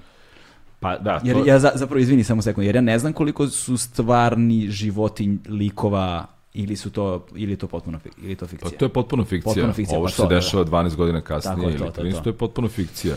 I neki od tih likova dosta važnih u filmu su potpuno izmišljeni, kao ta devojka mm. ovog mladića u filmu Marka, u stvarnom životu Srđana Aleksića, ovaj, otac njegov je stvarni, inspirisan stvarnim čovekom, ali e, i u njegovoj priči postoji jedan deo, kako da kažem, inspiracije u onome što se zaista desilo u svemu ostalom, u životu Harisa, ovaj, ovoga što, lika, zaboravio sam kako se zove, lik Kri, Kri, Hristine Popović, ovaj, to je sve fikcija. Pa, kad, smo čuli tu, kad sam čuo tu priču, e, rekao sam, odmah sam osetio da je to nekako e, neka moja vrlo intimna veza sa tim vremenom i neki odnos prema nekom herojstvu i moralnosti kako ja to doživljavam. Ovako iz fotelje, udobne, dorčelske, ovaj, malo elitističke, ali dobro, ali je negde intimno. Negde ja. je ono što ja zaista osjećam. Ovaj, I onda sam u stvari shvatio da e, ta stvar sama po sebi je strašna, to njegovo ubistvo je strašno, e, to kako se to dogodilo je strašno i šta sad sa tim? To je jedan zatvoreni krug jednog zla u kome nema rešenja. I onda sam počeo da razmišljam sa Srđanom i Melinom e, da, i razgovarali smo da u stvari je jedini smisao tog filma da u stvari da vidimo da li taj jedan događaj može da otvori malo, da oškrije neka vrata i da uđe neka svetlost. Mm -hmm. I da uđe neki vazduh u, u, u svetu u kome živimo. I da li ta stvar, taj događaj, to e, žrtvovanje, u stvari kao u antičkoj tragediji, da li je moguće da se taj čovek žrtvovao da bi nama bilo malo bolje. Da bi mi malo bili pametniji i da bi živeli u nekom, uh, kako da kažem, društvu i državi koje je poštenije. Da. Jebem ti, ja, jebem ti te stare Grke, izgleda su znali sve osim da su sve, stari Grci. sve su nas, da. ovaj, tako da, eto, toga smo krenuli. Da. I u stvari, kako sada ta stvar, da li može da nas malo, mm. aj, neću da kažem da nas napravi boljima, to su isto neke fraze sad, nas nešto pravi boljima, ne pravi nas ništa boljima, mi smo to što jesmo i reagujemo određene situacije, na određene situacije. Ali, e, da li u stvari to žrtvovanje može da nekako donese neki novi život. Da. Eto. I, I to nam je bilo strašno zanimljivo. Ovaj, I u stvari, kao i u svakom filmu koji sam radio, to sam skoro u stvari shvatio, da sam nekako uvek e, verovao da postoji neki, neki izlaz iz svega toga. E, da to vrlo često ne deluje tako, ali da postoji neka nada. Posebno u tvojim filmovima.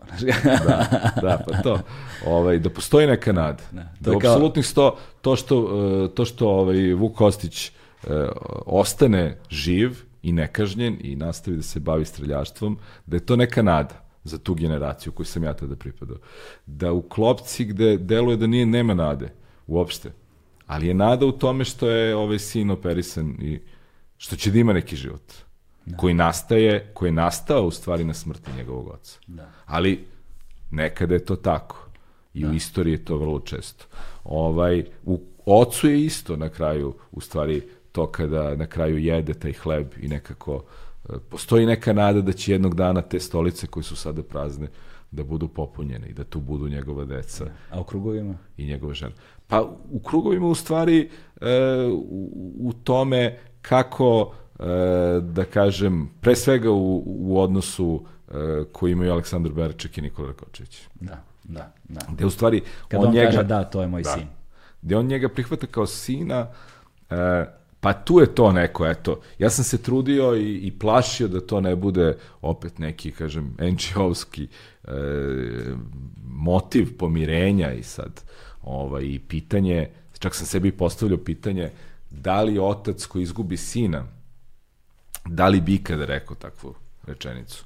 I da li je moguće da u stvari toliko pretovari kroz svoje du, kroz stvari kroz svoju dušu da u stvari uh, E, sinu ubice svoga sina u stvari praktično ga prihvati kao sina. Pa kao što je pretovario kamenje za građanje crkve s jednog mesta na drugo. Pa jeste, i tu sam shvatio da u stvari e, u tom motivu koja, koji možda uh, nije, nije istinit, mm. možda je skapistički, možda čak negde bajkolik, da u tom motivu vidim smisao bavljenja tim filmom i vidim tu nadu i vidim razlog da u stvari verujem da, da to može da se desi.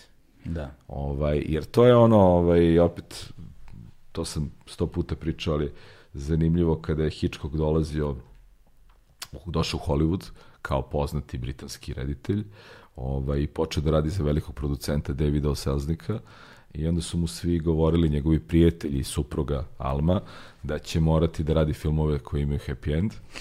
I onda je on otišao na ručak sa selznikom i vratio se i svi su čekali da čuju šta mu je selznik rekao. I selznik mu je rekao, e, ja od tebe neću tražiti da praviš filmove koji imaju happy end, ali moraš da praviš filmove koji imaju nadu.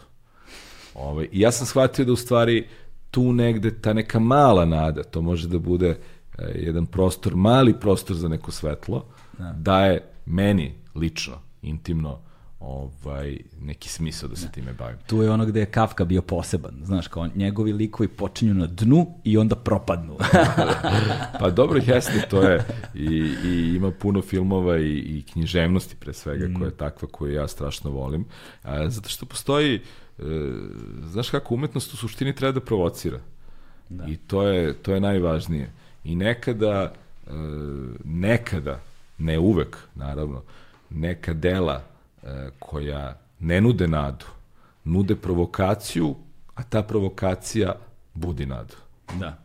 Budi rešenje i samim tim budi nadu. Nekada je provokacija te bezna, beznadežnosti, mm -hmm. koja mora da bude strašno umetnička i poetska. Da. Da. da, nas, da nam zgrabi srce i da, da ga iščupa, e, toliko snažna i intuitivna i sugestivna da ona kod nas kao čitalac ili gledalaca proizvede nešto što jeste nada. Što je na kraju u stvari suština umetnosti. Da, i to je, to je još, jedan, još jedan on univerzalni motiv umetnosti koji ljudi često prenebregavaju na neki način, jeste da iako možda umetnost nije stvarna, njene posledice su stvarne u tom kontekstu, znaš, znaš, ja pre i posle neke knjige, posle dobre knjige ili dobrog filma ili, znaš, dobre muzike, nisam isti čovek. Malkice na nekom minijaturnom nivou, mikronskom, sam drugačiji, ali sam drugačiji. Znaš, i onda agregat, uh, odnosno kumulativni skup svih tih nekih sitnih promena vremenom mene čini danas čovekom kakav, sam, kakav jesam u odnosu na čoveka kakav sam bio pre. Znaš, I ta evolucija, zapravo te promene se konstantno dešavaju. Ja mislim da je to strašno važno što kažeš. Znači, I mislim da ljudi ne razumiju suštinu umetnosti. Suština umetnosti je da nam donosi neke različite i nove emocionalne sadržaje. Znaš, e, ona ne sme da bude, umetnost ne, ne sme da bude sluškinje društva umetnost mora da donosi nešto što je mnogo više od stvarnosti. Mm. Neku umetničku, poetsku stvarnost, neki svet koji e, je drugačiji.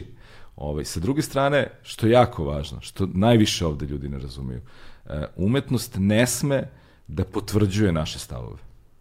Ona mora naše stavove da provocira i da nas tera da razmišljamo da li su oni ispravni. Da. I da nam donosi nešto novo neko novo emocionalno pre svega saznanje koje nismo imali pre toga. To je ovo što kažeš, kada pročitaš neku knjigu koja te obogati, posle koje kažeš pa sad, sad sam malo bolji, pametniji. Da. drugačiji. To. Uh, a to je zato što ti ona donela neko novo saznanje emocionalno. To. Pre svega emocionalno. Pa da, ja kažem... Nešto što, nije, što ne ide uz dlaku sa onim što ti već znaš. Hmm. Što ti je neki malo drugačiji pogled na svet i na stvarnost i na život i na ljude, je li tako? Da. Ovaj, I to je strašan problem ovde što ljudi misle da, da umetnost služi da potvrđuje naše stavove. Ne, suprotno. To je, ja kažem, znači, ja na početku i na kraju jedne knjige nisam isti čovjek. Čovjek koji je počeo da je čita i čovjek koji je završio da, su, da je čita su dve različite osobe. I vrlo često filmski likovi, junaci, a, književni junaci, a, kreirani identiteti nekih bendova ili, znaš, su mi mnogo bolji prijatelji nego brojni stvarni ljudi koji su mi prijatelji, znaš, onaj Raskoljnikov uh, mi je ono draži sagovornik nego neki ljudi koje zaista poznajem. Ovaj, to što su oni fiktivni likovi nisu zbog toga u kreiranju moje ličnosti manje stvarni. Ovaj... Pa jeste, znaš šta, mislim, veliki deo, kako ti kažem, veliki deo naše stvarnosti je fiktivan. Pa, apsolutno. Mi, pored toga što živimo realan život, plaćamo račune, idemo na posao i tako dalje, mhm. e, mi u sve to živimo i neki svoj fiktivni život. I on je deo naše stvarnosti. On nije deo naše banalne svakodnevnice, da. ali deo našeg unutrašnjeg života i e, kao deo našeg unutrašnjeg života je i deo našeg odnosa sa drugim ljudima. Znači, to što si čitao Hamsuna ili Dostojevskog ili što si juče pročitao, ne znam, Lupiću sada, Roberta Bolanja, ja sam čitao, ovaj, e, to utiče na moje odnose da. sa ljudima ovaj, koji me okružuju. Da, pa. I zato je umetnost toliko važna. Da. Glad Knuta Hamsuna je meni jedna od najdržih, jedan od najdržih romana. Znači, ja ne bih mogao, još tri sata ovde da sedimo, ne bih mogao da objasnim koliko da. je meni taj roman promenio život. Posledno što sam ga pročitao kada sam imao 16 ili 17 godina. Znaš. E, sada, 16 godina. Ovaj, a, ono što, ono što, ono, ono, znaš, kako smo gradacijono krenuli, jel te, znaš, ono, kako, kako su se motivi i stvari menjale, znači, sa, sa izborom likova, sa izborom tema, sa izborom motiva, sa tim svetovima ideja koji se sučeljavaju i u tim sukobima, ono, uvek ima nekih tragičkih junaka, jel te, koji stradaju, ali koji proizvode nešto novo, dakle, nekakva dinamika se iz toga rađa koja stvara nekakvu nadu koju ti govoriš i onda kako se, su se slojevi nadograđivali samo kroz tvoje stvaralaštvo i kako su nijanse postajale sve subtilnije ono do neprepoznatljivosti u kojoj jako gde su izbori tvojih junaka sve teži i teži, znaš. Sa Vuk Kostić je imao jedan izbor koji je bio dosta težak, ovaj, sa, sa, sa Glogovcem je to bilo mnogo teže, potom je to ovaj, a, u, krugovima, u, krugovima, u krugovima se ta stvar zaoštrila i proširila na više likova ovaj, koji su živjeli te posledice i sada sa rođenjem klasne razlike, sa rođenjem tih ono pobednika tranzicije, jel te, i tako dalje. Mi sada u filmu Otac, do kojeg sad stižemo, ovaj, imamo, imamo jednu sad totalno novu dimenziju, socijalnu dimenziju, a, odnosno jednu borbu sa tim, kad smo se videli na kafi, pa sam ti rekao, ono, tamnim vilajetom, ono, koji se u ovoj zemlji naziva socijalna zaštita ko tu tek, ono, ako, znaš, ja ću se truditi da tu zaista ne govorim puno, jer ako razvežem jezik, ode sve dođe vola. Ovaj, a, prikazuješ, prikazuješ a, dakle film Otac u kojem se radi jel te, o ocu u kojem su deca oduzeta u tom sistemu socijalne zaštite gde se dešava jedna ogromna nepravda, gde ono otkriva zapravo da postoji sad jedan koruptivni element i da se ti zapravo tu prvi put suočavaš sa sistemom. Sistem je nekako uvek bio u tvojim filmovima kao bog, ono, opšte prisutan ali nevidljiv, u ocu on prvi put se ono vaploćuje i imaš ono čoveka protiv sistema, tog malog čoveka koji sada kreće u tu neku borbu, koja je opet inspirisana stvarnim događajem i ovaj i pravim likom, stvarnim likom. I sada tu je ta evolucija ono od ono uh, pisanja scenarija romana do zapravo inspiri, inspiracije stvarnim događajem negde u prošlosti do nečega što je sada mnogo bliže sadašnjem trenutku. Da li se nešto menja kod tebe u tvom odnosu prema radu ili načinu na koji posmatraš stvari ili osjećanju na kojim posmatraš stvari kada, znaš, ono, radiš ono, uh, film inspirisan romanom i film inspirisan stvarnim događajem? Da li imaš neke osjećaje odgovornosti ili nečega što se menja u svemu tome? Pa, znaš kako, to je uvek je ra različito. Eto, sad imam, jedan film sam radio po romanu, pa ne mogu sad mnogo o tome da, da pričam. E, kad je Klopka u pitanju, tu smo mi imali sreću što je pisac romana Nena Teofilović dozvolio da mi to potpuno promenimo. Ta priča se dešavala 90-ih, mi smo prebacili u savremeno vreme, užasno puno toga smo promenili. Da. I on je imao razumevanje, negde osetio da, da mi zadržavamo neki duh tog romana, a smeštamo ga u neke potpuno različite okolnosti. E sad, što se tiče ovaj, priča po istinitim događajima, ovaj, Uh, ja mislim, sad to malo profesorski, ali neću mnogo da pametujem, Ovaj, Slobodno ovdje imaš prostora za ne, to. Ne, ne, pa mislim više treba pričati intuitivno negde, da. ovaj, nego sad e, to profesorski. Ovaj, ja nekako mislim kad se film radi po istinitom događaju, da je to uvek početak neke dramske situacije, a da film mora da bude u nečemu drugom. Da mora da postane mnogo više od samog tog događaja. Odnosno, e, mnogo više od samog života.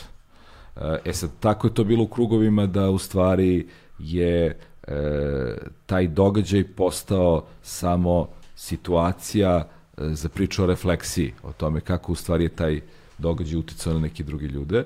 Ovaj, a ovde sa ocem je bilo zanimljivo. Ja sam pročitao tu priču i odmah sam se nekako ovaj, uhvatio za to. Ovaj, Kada jer, si pročitao? Pa pročitao sam na nekom portalu, mislim. Da Ovaj, I onda sam se ovaj, izgooglovao i pronašao. Zanimljivo što pitaš kada. U tom trenutku je čovek, stvarni čovek, Đorđe Joksimović, već bio ispred ministarstva za rad. I ja sam odmah sledeći dan otišao i upoznao ga i počeo sa njim da pričam. Ovaj, ali recimo sad kad me pitaš kako sam ovaj, došao do te priče, najlakše sam u stvari radio na ocu i nekako je sve išlo eh, najjednostavnije, najbrže. U stvari, jednog trenutka kad sam pročitao priču, o čoveku koji je od Kragujevca hodao do Beograda u znak protesta do ministarstva gde je u stvari spavao i čekao da ga prime i borio se za svoju pravdu. U stvari, tu sam intuitivno odmah ovaj, video neke slike i pomislio kao, uf, kao ovo može da bude neki srpski Paris, Texas. I, i ta e, sinefilska, no. u stvari, energija me odmah uhvatila. By the way, Paris, Texas je jedan od boljih soundtracka, ono. jest, jest. I? Ovaj, I onda sam nekako to, to me pokrenulo i onda sam razgovarao sa Đorđem i u stvari negde u razgovoru sa Đorđem shvatio da uh, ono čega sam se najviše plašio da nije tako, uh, a ja sam se plašio da u stvari celo to njegovo putovanje jedan osmišljeni marketinški uh, fazon da u stvari privuče pažnju javnosti i da tako u stvari e, kroz to rešava neku svoju stvar, a možda čak i šire od toga, iza, iza svega toga stoje neki ljudi koji u stvari imaju neku, e, kako da kažem, politički pogled na sve mhm. to. Ovaj, toga sam se plašio. I onda sam razgovarao sa Đorđem i shvatio sam da je on u stvari e, na to putovanje krenuo upravo onako kako bih ja voleo da se to desilo. Nekako intuitivno, bez nekog razmišljenja. Da nije čak tu ni stvar da li imao pare za kartu. Ko Forrest Gump.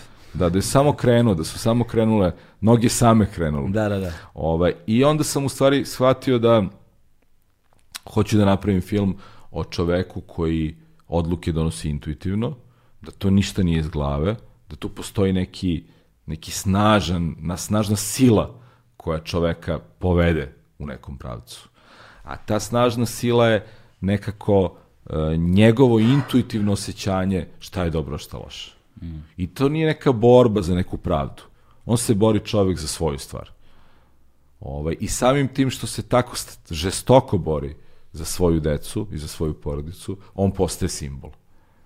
Ovaj, I eto, to mi je bilo zanimljivo i druga stvar, ovaj, onda u stvari u razgovoru kasnije, dosta kasnije sa, sa Goranom, Bogdanom, kad smo već krenuli da radimo i da pričamo o filmu, smo u stvari došli do nečega što ovaj, sam prvi put radio kao reditelj, a to je, rekli smo, eh, jedan drugome, rekao, vidi ovako, sada eh, mi ne smemo ni ti ni ja da budemo pametniji od čoveka čim životom se bavimo. I to ne mislim na stvarnog čoveka, nego mislim na lik. Ovaj, znači, lik sad već zovemo čovekom, iako je to lik. Ovaj, e, I ajde da uđemo u njegove cipele, ajde da uđemo u njegovu kožu i da probamo samo da ga pratimo. Nijednog trenutka ne sme da postoji naš komentar u odnosu na njegovo putovanje, u odnosu na njegov život, u odnosu na njegove odluke. Mi moramo da budemo on, da budemo njegovi, ili makar njegovi posmatrači, da smo ovde kao neka ptica koja mu je sve vreme na ramenu. I da pokušamo da taj svoj ego, intelektualistički ili bilo kakav drugi, da ga bacimo ili da ga makar stavimo po strani. I to je za mene bio jedan strašno zanimljiv izazov i za Gorana i on mi je mnogo u tome pomogao e, baš zato što je on tako jedan strašno intuitivan čovek mm -hmm. i skroman čovek i čovek koji u stvari ume svoju taštinu da stavi po strani. I mi smo se trudili, nas dvojica pre svega, da, da te svoje taštine sklonimo i da nekako što otvorenije, iskrenije uronimo u svet ovaj, tog čoveka. Tako da je e, otac za mene bio jedno strašno zanimljivo putovanje, baš putovanje, s obzirom da on putuje kroz ceo film, ali sam ja nekako e, možda najviše od svih filmova se prepustio ovaj, tom filmu i, i stvarima kako će se oni da dešavati. Naravno, sve je bilo pripremljeno jako precizno, jako dobro i Goran i ja pre svega smo imali probe nekih skoro tri meseca, svaki dan. Znači, mi smo svaki dan po 5-6 sati, kao ti ja sad ovako sedeli i razgovarali. Odnosno, 3-4 sata pre podne, par sati popodne, jer je on trenirao, morao je da smrša 15 kila. Ovaj, Koliko mu je trebalo da smrša 15 kila? Pa, dva i po meseca. Da. Znači, Dobro, intenzivne dijete, intenzivnih treninga, ozbiljnih i tako, strahovite, strašne, strašne posvećenosti. Ovaj, je i mislim, čuveni metod. Da, metod ali mislim da to u tom pro, vremenskom uh, trajanju i može tako. Da. Mislim da ne može čovjek sa sebe da šest meseci takvog života. Mislim da je to što je kraće, to je... Kakve su stvari izranjale u tim razgovorima između, kada sa nekime provodiš sate ono, svakodnevne komunikacije, svašta je ispliva na površinu sigurno. Pa jeste, tu je pre svega bilo važno uhvatiti tu stvarnost i tu istinitost. I, znaš, e, za mene otac bio izazov zato što je taj junak najdalje od mog sveta. Znači, e, svi junaci kojima sam se pre toga bavio su bili iz mog sveta ili bliski mom svetu. Možda najviše lik koji igra Glogovac u Klopci. Da. Znači, to je neki čovjek koji završio fakultet i uradio sve kako treba, a onda je suočen sa, sa vremenom u kome živi i prostorom u kome živi. Ovaj, I ovde sam se plašio taj svet siromaštva, tako velikog siromaštva, je nešto o čemu sam ja znao i što sam viđao, ali nije svet mog odrastanja i nije svet mog života i nije nešto što sam ja u stvari iskusio u životu. Niti je to Goran iskusio u životu. Ovaj, tako da smo tu bili jako, e, pre svega su ti razgovori bili važni da opet e, ne pristupimo tom svetu sa taštinom nekom i da u stvari vrlo polako oba, ob, ob, obazrivo i sa velikim poštovanjem tom svetu pristupimo. Da. da ga razumemo, da ga uhvatimo. Ovaj, I to se vraćamo na ono čemu se priča o tom iskustvu.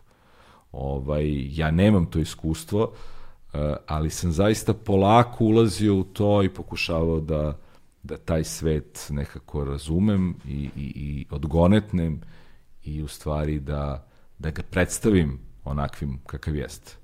Ovaj, Koje da, da, da opet ne pređemo jednu granicu, znaš, koja je jako važna, da ne bude da manipulišemo siromaštvom, znaš, da je siromaštvo opet neka, kako da kažem, a, alatka u nekoj našoj manipulaciji opet e, i publikom i festivalskom publikom Da. i tako.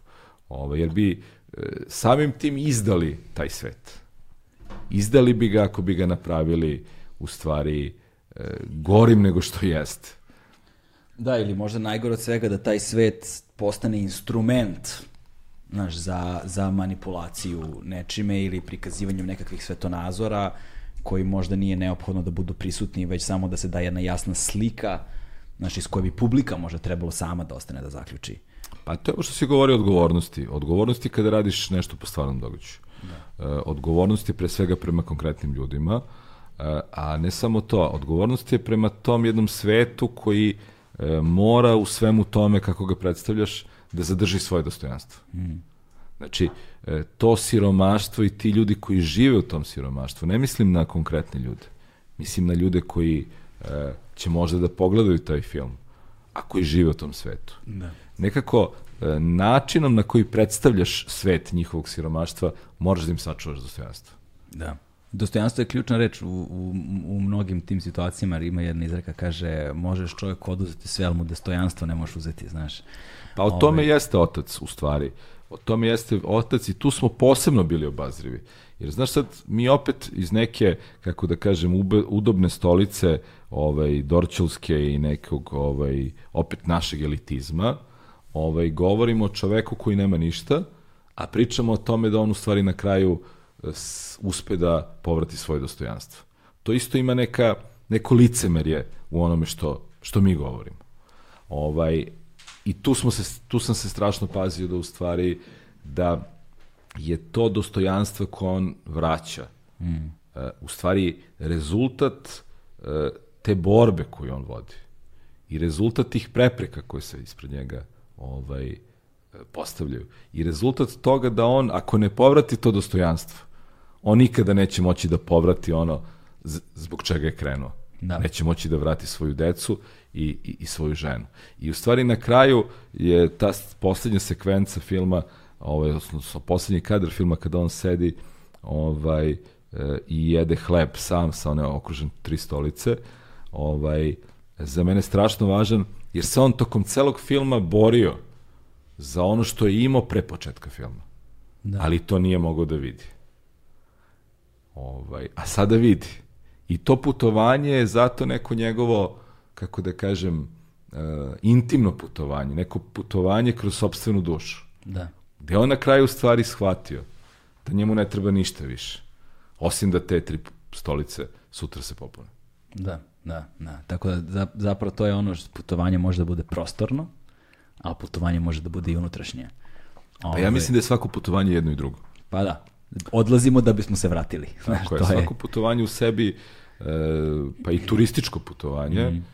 Ovaj, e, sadrži jedno i drugo.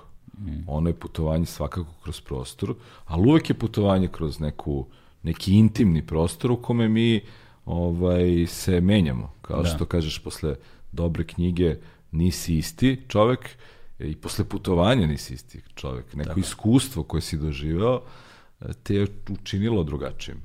E sada, a, ono što je zanimljivo, je sada ono iskoračujemo za, na, na, nažalost iz sveta umetnosti, um, jeste da svi ti sistemi, sve te, taj svet uh, instrumentalizacije i manipulacije nama kao pojedincima i nama kao društvom, koji živimo već decenijama unazad, ovaj, je nešto sa čime si se suočavao u filmu.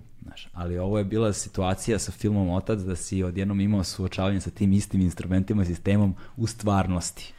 Zapravo, a, pored samog filma. I to je nešto zbog čega ono kada si počeo priču malo pre o IMDB i, o glasanju tamo, ono lupanju lajkova ili šta god i o tim instrumentima i načinu na koji će nešto da se čereči, razapinje ono u javnosti i kako će ti instrumenti znaš, da li ove diktature ili bilo čega, da napadaju sve ono što ne potvrđuje njihov narativ je nešto što ti, nažalost, iskusio na svoj koži, iskušao i osjećaš i dalje. Znaš, ono, ako sad odemo na ono, trafiku neku da. i pokupimo gomilu ovih tabloidnih medija, vrlo verovatno ćemo vidjeti neki kretenski naslov. Tu sam, prisutan sam, da. umetnik je prisutan, da, znaš. umetnik je prisutan. Ove, ovaj, a, hajde da se posvetimo malo, a, malo, malo toj temi. Šta je to što se zapravo desilo a, sa filmom Otac koji je trebalo zapravo da bude naš kandidat za Oscara, ali se to nije desilo? Pa, pazi, ja ne tvrdim da je trebalo da bude, ali i nije to uopšte bilo ono što smo mi pričali. E, mi smo pre svega prvo imali ovaj, e, zamerku na proceduru i ovaj, imali jednu zamerku da u stvari taj film koji je izabran je film koji nije nikada prikazan ovde i u našim bioskopima i da su oni pronašli naravno u pravnom smislu neku, e, kako da kažem, formu da se to ipak deluje da se to desilo. Kako se već zove taj film? Dara iz, Dara iz Jasenovca. Dara iz Jasenovca. Ali se to nije desilo i ja nemam ništa protiv tog filma. Ovaj, ja samo kao, kao junak u ocu imam pravo da se borim za, za svoj film i da se pro, borim e, za nešto što mislim da je, da je ispravno. Ovaj, druga stvar, znaš, stalno ti neko kaže, kao pa da, ali ti se boriš u stvari da tvoj film ide tamo. Pa rekao, jeste, da. Mislim, ako bi se mi u društvu svi borili da zaštitimo svoj interes, pa to društvo bi bilo možda i okej. Okay. Da, tako? Da. Nego mi nekako kao, znaš, ono, kako kod nas kažu, pametni popušta, tako? Da. Ovaj, mi kažemo, pa dobro, mislim, sistem je takav, neću da se bunem. Ovaj, e, tako da, eto, to je, mi smo proceduralno smatrali da, da smo oštećeni, i mi svi drugi u tom procesu. Sa druge strane, sam ja smatrao da e, film Otac koji je bio u Berlinu, dobio nagradu publike, e, toliko po svetu putovo dobio nagrade, da jeste nešto što nas zaista tamo može da predstavlja na najbolji način. Sa druge strane, e, i moj film Klopka je bio u tom užem izboru, kad je uži izbor imao devet filmova. I ti si u Berlinu dobio nagradu za Klopku, ali tako? Je, ne, za, za krugove, za krugove, za krugove, da, pardon. Tako da ovaj, smatrao sam da nekako je sva logika jedne kinematografije, jedne kulture, da pošalje na tako nešto kao što je izbor Oscara, e, film koji ima najveće šanse I smatrao sam da to jeste moj film. Ovaj, I e, smatrao sam da ta procedura kako izvedena, da nije poštena i nije regularna i tako dalje. Ovaj, I na kraju krajeva sam izneo svoje mišljenje, nikoga u tome nisam vređao, nikoga, ni na koga nisam vršio hajku, kao što su oni ovaj, to rekli. Ovaj, I kao odgovor se desilo nešto što ja moram da kažem da sam očekivao da će se desi, ali ne možda na takav način. Su se pojavili prvo novinski članci gde u stvari moja slika, pored toga e, leševi deci iz Jasenovca, gde u stvari ja ovaj, e, negiram te žrtve i u stvari čak promovišem film Jasmile Žbanić o Srebrenici Kvo Vadi Saida, ovaj, što je besmislica, jer ja promovišem i guram svoj film. I u stvari da onog trenutka kada ti tom sistemu i ovom društvu kažeš, pa ja mislim da iz nekog razloga to nije u redu i da ne treba tako da bude, da ti u stvari postaješ izdajnik, državni neprijatelj, ne. izrod srpski ili ne znam sve i desi se to da u stvari e, se nađeš na naslovnim stranama tih svih tabloida. Mene to nije uplašilo, nije me ni iznenadilo, ovaj, jako nije prijetno, ovaj, nego mi je samo potvrdilo tu jednu stvar, jednu tezu i jednu stvarnost, u stvari, da u ovoj zemlji danas e, kogod misli drugačije od onoga što je stav, a možda čak da kažem pravu reč, interes političke elite i, i, i, i političke elite na vlasti, u stvari postaje zaista ovaj e, neprijatelj i neko sa kim su spremni da se razračunavaju na najgori mogući način. Ovaj, tako da eto, to, to se desilo uh, i to dovodi do jedne stvari koja je strašno opasna za ovo društvo. A to je ti kažeš, mislim da film koji se bavi žrtvama Jasenovca ovaj, nije izabran na pravi način. A oni kažu, pa da, ali ti uh, osporavaš žrtve Jasenovca. Ja, to je totalna zamena teza koja nema veze sa životom. A, a sutra će da se desi da će neko, sad ti ili neko će da kaže, kad bude pogledao film, pa meni se ovaj film ne sviđa. Pa će neko ti kaže, pa da li ti negiraš žrtve Jasenovca? Znači, e, razumeš koliko je to strašno. Da, jedno to je po- to, je, to je čista fašistička teza, to je čisti Gebels u stvari. Da. Znači, ja kažem, ne slažem se sa ovim u umetničkom smislu, mislim da nije dobro, ili procedura nije dobra, onda ti neko kaže, pa da, ali ti si protiv, ovaj, ti si protiv u stvari e, svega toga. Da. Ne, nisam, naprotiv. Znači, e, ja se borim za to da to ima svoj pravi oblik. Da, je li istina da je Dara iz Asanovca imala ono novinarsku e, projekciju, ali da je bio dogovor da se ne pišu nikakve recenzije na, na to, ta- ta- nešto, ta- nešto u tom stilu sam pročitao bio. Pa ne znam, mislim, ja se ne bi bavio tim filmom, Da, da, da, znaš. Mene to u stvari, taj, mene u stvari taj film ne zanima. Ovaj, i, i ovaj, e, ne znam da li tako bilo, Zato ali... što vidio sam da je sada krenulo ludilo kada je Variety objavio onu kritiku neku koja je pokopala film načisto i nazvala je nacionalističkom propagandom najjeftinijeg tipa i da je sada krenula cela ponovo, cela ta hajka da se vrti. Ovaj, ali nećemo da se bavimo time uopšte. Niti Pa nećemo, ali dobro si stvar spomenuo. Zamisli ti, živiš u državi u kojoj, kada se pojavi kritika filmska u jednom filmskom časopisu, na to reaguje ministar policije. Da. Znači, Aleksandar Vulin je prvi dao svoju izjavu, verovatno film nije gledao, Da. verovatno, ovaj, ali je on reagovao na e, kritiku nekog filmskog kritičara iz Los Angelesa. Da. Mislim, e, šta to govori? To, verovatno, s jedne strane možemo kažemo da živimo u jednoj toliko prosperitetnoj zemlji, fantastičnoj, u kojoj ministar policije nema druga posla nego da komentariš filmske kritike. Evo, jutro se ministarka kulture e, na nekoj televiziji, ovaj, u jutarnjem programu, gostovala da bi ispričala šta se to desilo i zašto se desila ta nepravda, da se ne dozvoli da se glasa na IMDB. Znači, ako ministarka kultura, kulture nema pametnije posla i važnije poslove nego se bavi pitanjem glasanja za jedan, ili ne glasanja za jedan domaći film na IMDB-u, onda mi živimo u nekom savršenom svetu. Da, u najboljem od svih mogućih svetova. Najbolje od svih mogućih. Kaže, optimisti bi rekli da živimo u najboljem od svih mogućih svetova, optimisti bi se plašili da je tako. Pa, znaš šta, uvek ti je, ovaj, ja sam uvek eh, onaj, kako da kažem, umereni pesimista, eh, jer taj pretarani optimizam je opasan.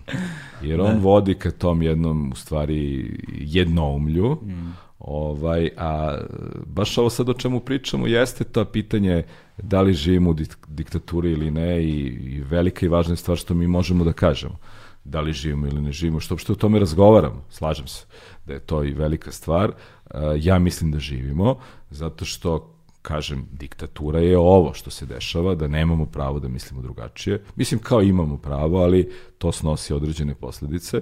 Pa čak i ako to svoje mišljenje kažemo vrlo pristojno, nikoga ne vređajući, nikoga ne ugrožavajući, da. Mislim, pa šta je onda, e, šta je stvar ovog nekog normalnog, ajde da ne kažem demokratskog tope, da ne bude te NGO izreke, nego nekog normalnog sveta u kome treba da živimo. Sa druge strane, ovaj, sve je nekako orkestrirano, je li tako? Da, da. Ovaj, a čemu to vodi? To vodi u stvari onome što je po meni osnovni problem ovog društva, to je ta užasna podeljenost. I sad to oni zovu jedna Srbija i druga Srbija, ovaj, zašto su neki prvi, a mi drugi, nemam pojma, i sad šta to uopšte treba da znači, ali je, ono što je strašno jeste da e, ta vrsta e, orvelovske kontrole i ta e, vrsta osvetništva prema svima koji misle drugačije, vodi ka jednoj strašnoj podeljenosti društva, a ta podeljenost društva neverovatno odgovara političkim elitama. Što je najgore i jednima i dru, jednoj i drugoj, a posebno ovoj koja je sada ovaj na vlasti. I to podgrevanje atmosfere da mi živimo u jednom tihom građanskom ratu je ono u stvari e, na, na, čijem, na, na, na čijem talasu oni vladaju. Da. To je jedno stalno pravljenje jednog konflikta unutar nas samih. A da ne govorim konflikta sa nekim zemljama u našem okruženju. Pa evo sada imamo ovaj to oko ima da bi b, taj absurd da li Hrvati daju jedinice, da li iz Jasenovca naši desetke, ovaj, i onda shvatiš u stvari, e, nacionalisti s obe strane su jedni drugima najbolji prijatelji. Da. Oni se najbolje razumeju. I oni žive jedni za drugi. Oni samo kad bi seli zajedno na pivo, skapirali bi da su najbolji ortaci. Pa naravno. Pošto su mehanizmi isti. Da. I u stvari oni, hrvatski nacionalisti, oni ne postoje bez srpskih nacionalista. Da. I obrnuto. Da, da, da. Znači, kada bi jedni povukli nogu i rekli, evo, mi nećemo, mi smo sad potpuno nešto drugo, Ovi bi ostali. ovi drugi šta bi radili? Tako da, ovaj, to je jedan, eh, kako da kažem, jedna simbioza, jedan sklad, Kako koji se mi, nažalost, živimo. Kako se kaže? Sine qua non. Sine qua non. Sine to da, non, sine da. qua non, da. Tako da, nažalost, e, nažalost, mislim da e, je ne, to nešto čemu mi ovdje bi trebalo da mislimo i da pričamo, a to je to stalno pravljanje podela unutar nas sami, govorim sad o ovom našem društvu i o ovoj zemlji u kojoj živimo, ovaj, i to je u stvari instrument kojim, kojim ova vlast vlada, a nažalost ni ona prethodna se nije previše trudila da te razlike pomiri i da ih u stvari dovede u neki, neki normalan, neko normalno stanje. Da, to je ono zbog čega su platforme za, za dijalog toliko važne. Znaš, da li će ta platforma za dijalog da bude film ili će to da bude upravo ovo platforma za dijalog što ja radim i, znaš, a, ili na bilo koji drugi način, zato što Nabokov je lepo govorio ovaj, a, objektivno, normalno i sloboda su reči koje mogu opišem samo s navodnicima. Da. ovaj, I da izgleda u prirodi svakog čoveka da zabranu doživljava kao poziv, tako da u toj dinamici a, s- se krije a, odgovor ka tome što će da bude sutra. Znači, to neko, nek, nekakva ideja o nekakvom napretku, ali ne možemo ni za jednu stvar da tvrdimo da je konačno ono decidirano i, i ono kao u kamenu urezano tačno ovo je tako i kraj više se nikada na to u životu ne vraćamo. Sve je podložno promenama, sve je podložno evoluciji, sve je podložno preispitivanju i negde naša dužnost da se uvek nalazimo u stalnom stanju preispitivanja. Da bismo to mogli da uradimo, moramo da imamo slobodu govora, moramo da imamo slobodu da otvaramo platforme za dijalog, da ćemo preispitivati to. I onda konstantno evolu, e, e, radi, vršiti evaluaciju sopstvenih svetonazora, sopstvenih ono, vrednosti, sopstvenih uverenja. Znaš, ja danas nisam isti čovjek kao pre 20 godina. Ja danas nisam isti čovjek kao pre 3 godine, pre 5 godina. Ja kad bi sreo sebe pre 5 godina, vjerojatno bi se vilupio šamarčinu kakva sam budala, znaš. Tako da, ovaj, dobro, možda ne baš šamarčinu, evoluirao sam dovoljno da ne to, ali kao bi bih uzmano tebe, da li si normalan, znaš. Ovaj, I a, najbolji način da se sa možda sa time suočavam, posebno sa nekim svojim demonima, sa ono težinom a, a, ljudskog postojanja u, u, u, u, svim tim ono konačnostima, znaš, suočavanje sa smrću, suočavanje sa patnjom, suočavanje sa teskobama, dilemama, sa moralnim, etičkim načelima, znaš, ne postoji bolji način da se sa njima suočavamo i da o njima razmišljamo nego kroz umetnost.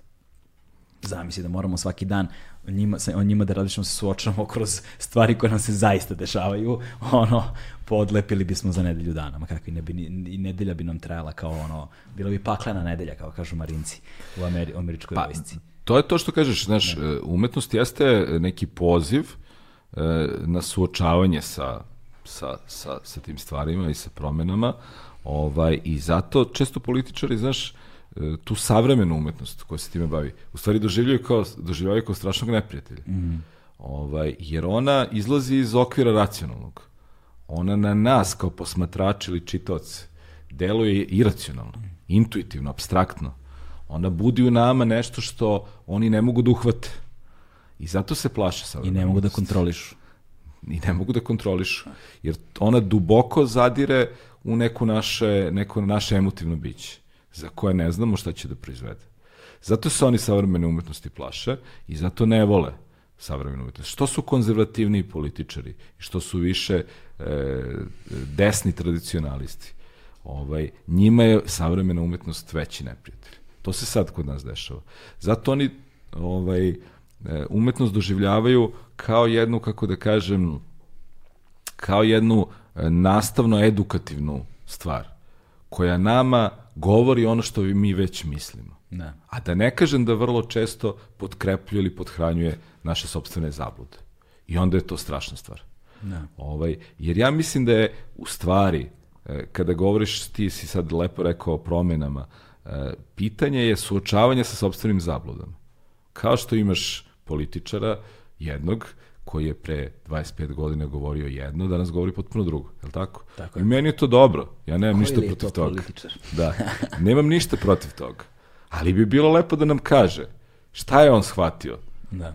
za ovih 25 godina. I zašto je, da li se odrekao onoga što je govorio pre 25 godina? Jer ako jeste i došao do ovoga što govori sada, super.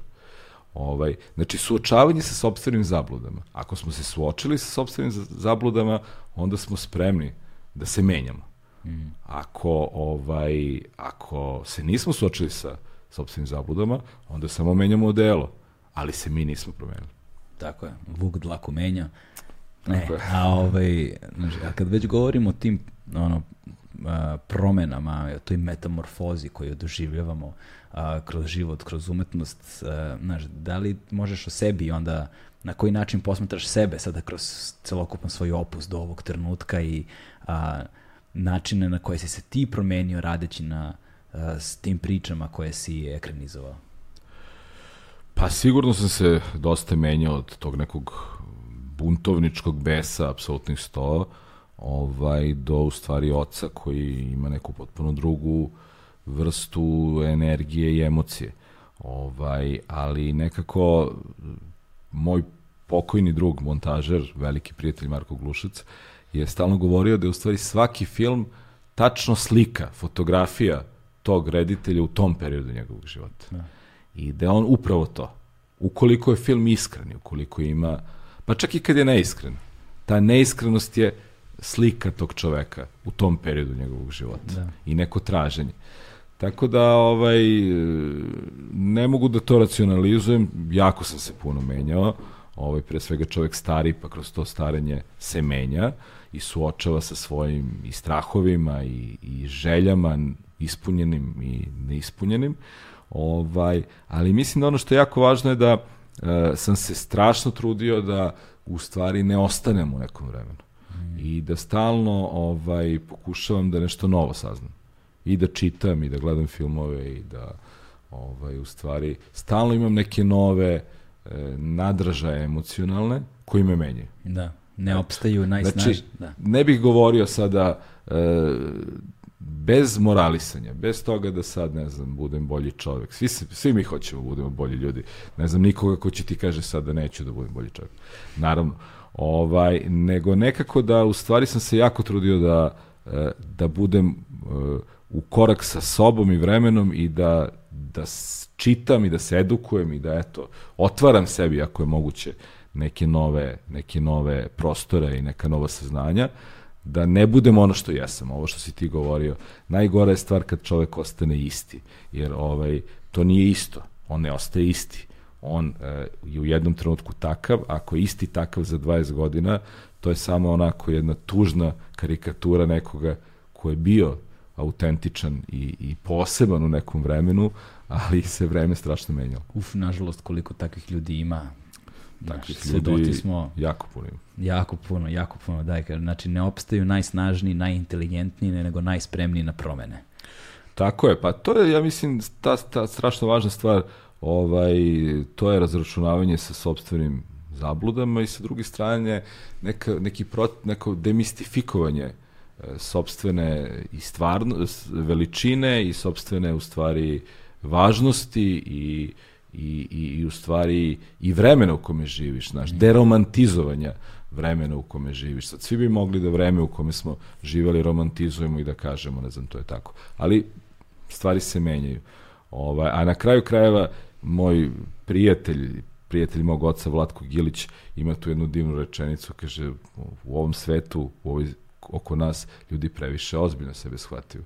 A mi živimo na planeti Zemlji koja je jedna tačka koja se ne vidi u svemiru. Da. Ovaj, tako da, kad postaviš stvari tako, ovaj, onda je lakše da u stvari e, sebe smestiš u neki okvir neke, pa ne, da, neću kažem skromnosti, ali nekog normalnog doživljaja sebe. Da, ima ona čuvena fotografija Karla Sagana. Mislim, nije njegova fotografija, nego fotografija koju je Voyager napravio a, na putu ka izlasku van sunčevog sistema, gde je a, jedan od posljednjih, gde je poslao fotografiju negde u blizini Plutona je bio otprilike, a, gde je, na kojoj se vidi zemlja suspendovana u sunčevom zraku, u ono ogromnom mraku i koji je Carl Sagan nazvao a, svetlo plava ta, bleda plava tačka, pale blue dot. Da, da. I napisao je na prvi roman, napisao je tekst o toj koji opisuje taj pale blue dot koji zapravo vrlo jasno stavlja u prvu perspektivu to što je prijatelj tvog oca govorio Da. na jedan jasan način i koji kada na toj skali ono, univerzuma i života shvatiš beznačajnost svakog ljudskog sukoba koji je ikada postojao u istoriji čovečanstva kao takvog. Znaš. I, ovaj, Ta, tačno tako. ali je sa tim ogromnim istinama teško nositi se kroz ono mećavu svakodnevnih problema koje doživljavaju, na primjer, likovi u tvojim, u tvojim filmovima, znaš. A, šta vredi ocu a, a, činjenica da živi u univerzumu u kojem je naša egzistencija potpuno naš, beznačajna stvar na tim grandioznim skalama kada on ima problem sa kojim treba da se reši, koji treba da se reši sada. Tako da i mali problemi su zapravo grandiozni u univerzumima koje mi sami stvaramo, u svetovima koje mi sebi stvaramo i koji zapravo nas određuju na neki način. Pa upravo ovo što si rekao, govori, izvini, što te prekidam, e, o univerzalnosti tih tema, tih malih tema. Baš zato što je to tako, kao što si e, kazao, je u stvari neki film o takvom čoveku e, isto doživljava nek, neki čovek i nek, doživljava neki čovek i neke žene u Australiji ili u Americi ili baš zato što je suština tog problema takva. Da, da, da.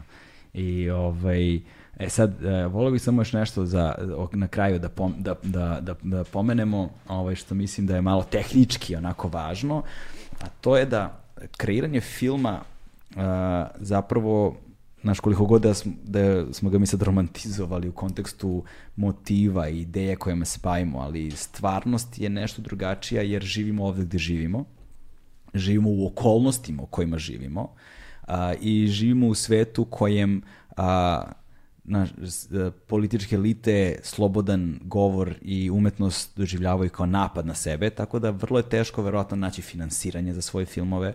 Živimo u jednom dosta socioekonomskoj, ono, osiromašenom društvu u kojem nije ni jednostavno naći i one pare koje su tu. A, treba održati sve na okupu. Koliko je upro, rekao si na primjer kad, si, kad se radi apsolutno to da je ono scenario nastajao pet godina. A, tako da jed, možda jedna od ključnih reči za stvaranje filma je strpljenje, upornost, ovaj, ali ti procesi, znaš, ti predaješ na fakultetu dramskih umetnosti, ovaj, šta je to što učiš svoje studente Uh, znaš, koje su to prve zablude sa kojima se oni suočavaju i koji su to prvi koraci na kojima mnogi odustaju od ideje da se bave filmom kada se suoče sa stvarnošću i kako ih prevazilaziš? Pa, Mislim, ko, u prevodu koliko je teško napraviti film? Pa dobro, film je teško napraviti jako, ali pošto je film skupa umetnost, ali je film teško napraviti svuda. I možda je čak u Srbiji, kada si debitant i kada spremaš svoj prvi film, možda čak lakše u Srbiji da se napravi prvi film nego u nekoj velikoj zemlji kao što je Francuska ili Amerika ili Nemačka, Velika Britanija. Možda je čak to što je nas malo manje, pa je ta konkurencija manja, možda je i lakše. I mislim da jeste.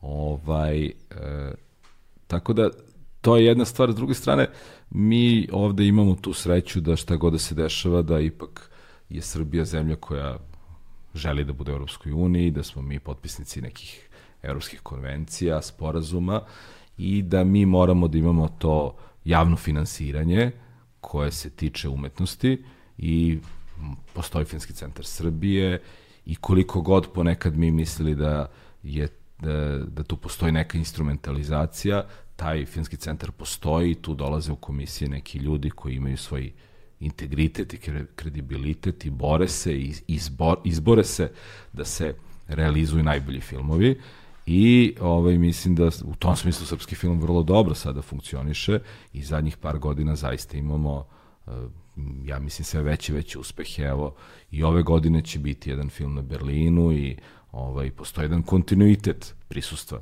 na velikim festivalima i mislim da zaista zadnje dve, tri godine su nam filmovi sve bolji i bolji što je opet rezultat tog rada tog filmskog centra Srbije Ovaj, tako da to je, mislim, jako važna stvar i ja verujem da će to tako da bude i u buduće.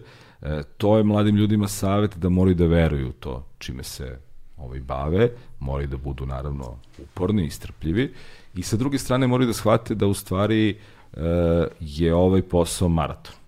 Da ovde jedan film ne znači ovaj, ni život ni smrt, nego da je početak nekog stvaranja, nekog, nekog umetničkog sveta i, ovaj, i da u stvari u tome moraju, što ti kažeš, da budu ovaj, pre svega uporni. Da. Ovaj, pa da postoji ona, anek, ona priča ovaj, kako muškarci ovaj, osvajaju devojke. Da tako. Onaj koji je uporan, da.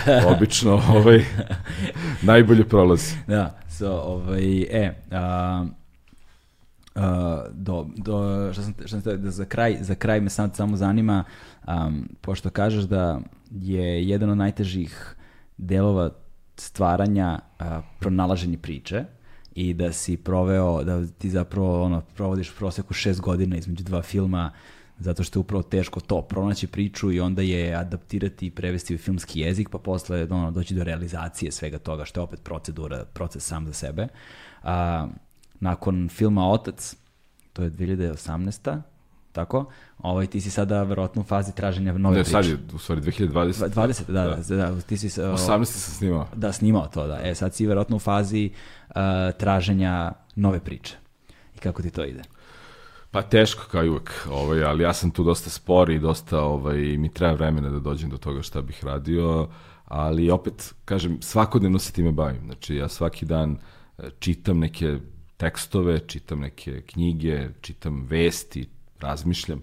Ovaj, a još uvek sam u procesu traženja. Da. Tako da... Jel, jel imaš neke ono ustaljene sad već rituale ili tehnike pronalaženja, izvore traženja ili je to sve i dalje Pa nemam, nemam, mislim, to je široko zato što ti nikad ne znaš gde će da ti se pojavi nešto interesantno što te zaintrigira, ovaj, i ako se fokusiraš na samo jednu stvar, mislim da, da tu opet nema rešenja.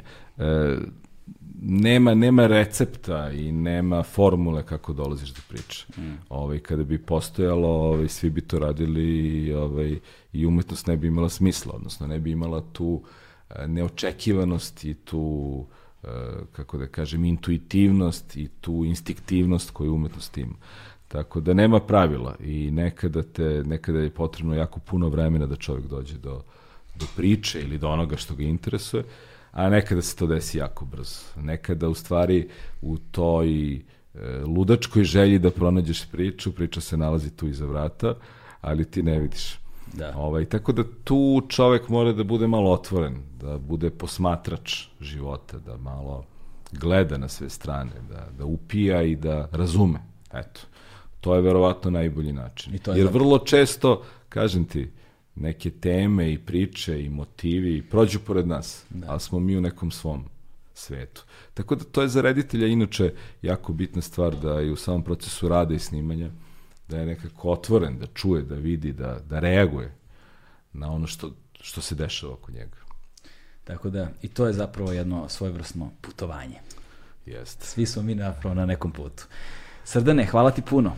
Ovaj, stigli smo do kraja. A, hvala, hvala ti puno, ja sam baš uživao, baš nekako smo ovaj, e, doprli do nekih ovaj, razmišljanja i osjećaja umetnosti koje, koje nisu meni bila naučena, nego si nekako ne. uspeo da, da, da mi pomogneš da ja sam sebi sada u stvari neke stvari kažem i objasnim. e, to, mi, to mi služi ovo da zapravo naglas izgovorimo nešto i onda to nešto postane stvarno i da razumemo i za mene je ovo u suštini jedno veliko putovanje i sa tom idejom sam i napravio u suštini ovu, ovu, ovu platformu i počeo ovo da radim zato što i sam tražim odgovore na brojna pitanja i uvek mi je pomaže da neko sedi preko puta, posebno neko ukoliko ga, ga je, nju, njih, cenim, uvažavam, poštujem i posebno ljudi koji su u svom životu nešto uradili, nešto stvorili, negde se žrtvovali, nečega se odrekli, nisu napravili kompromisi, posebno ljudi koji su doživeli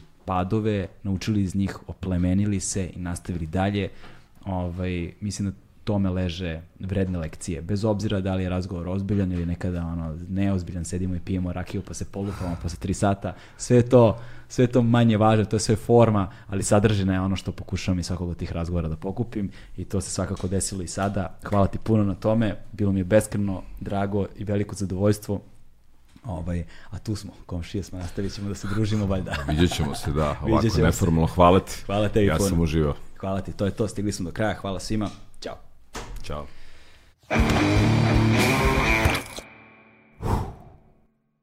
Hmm.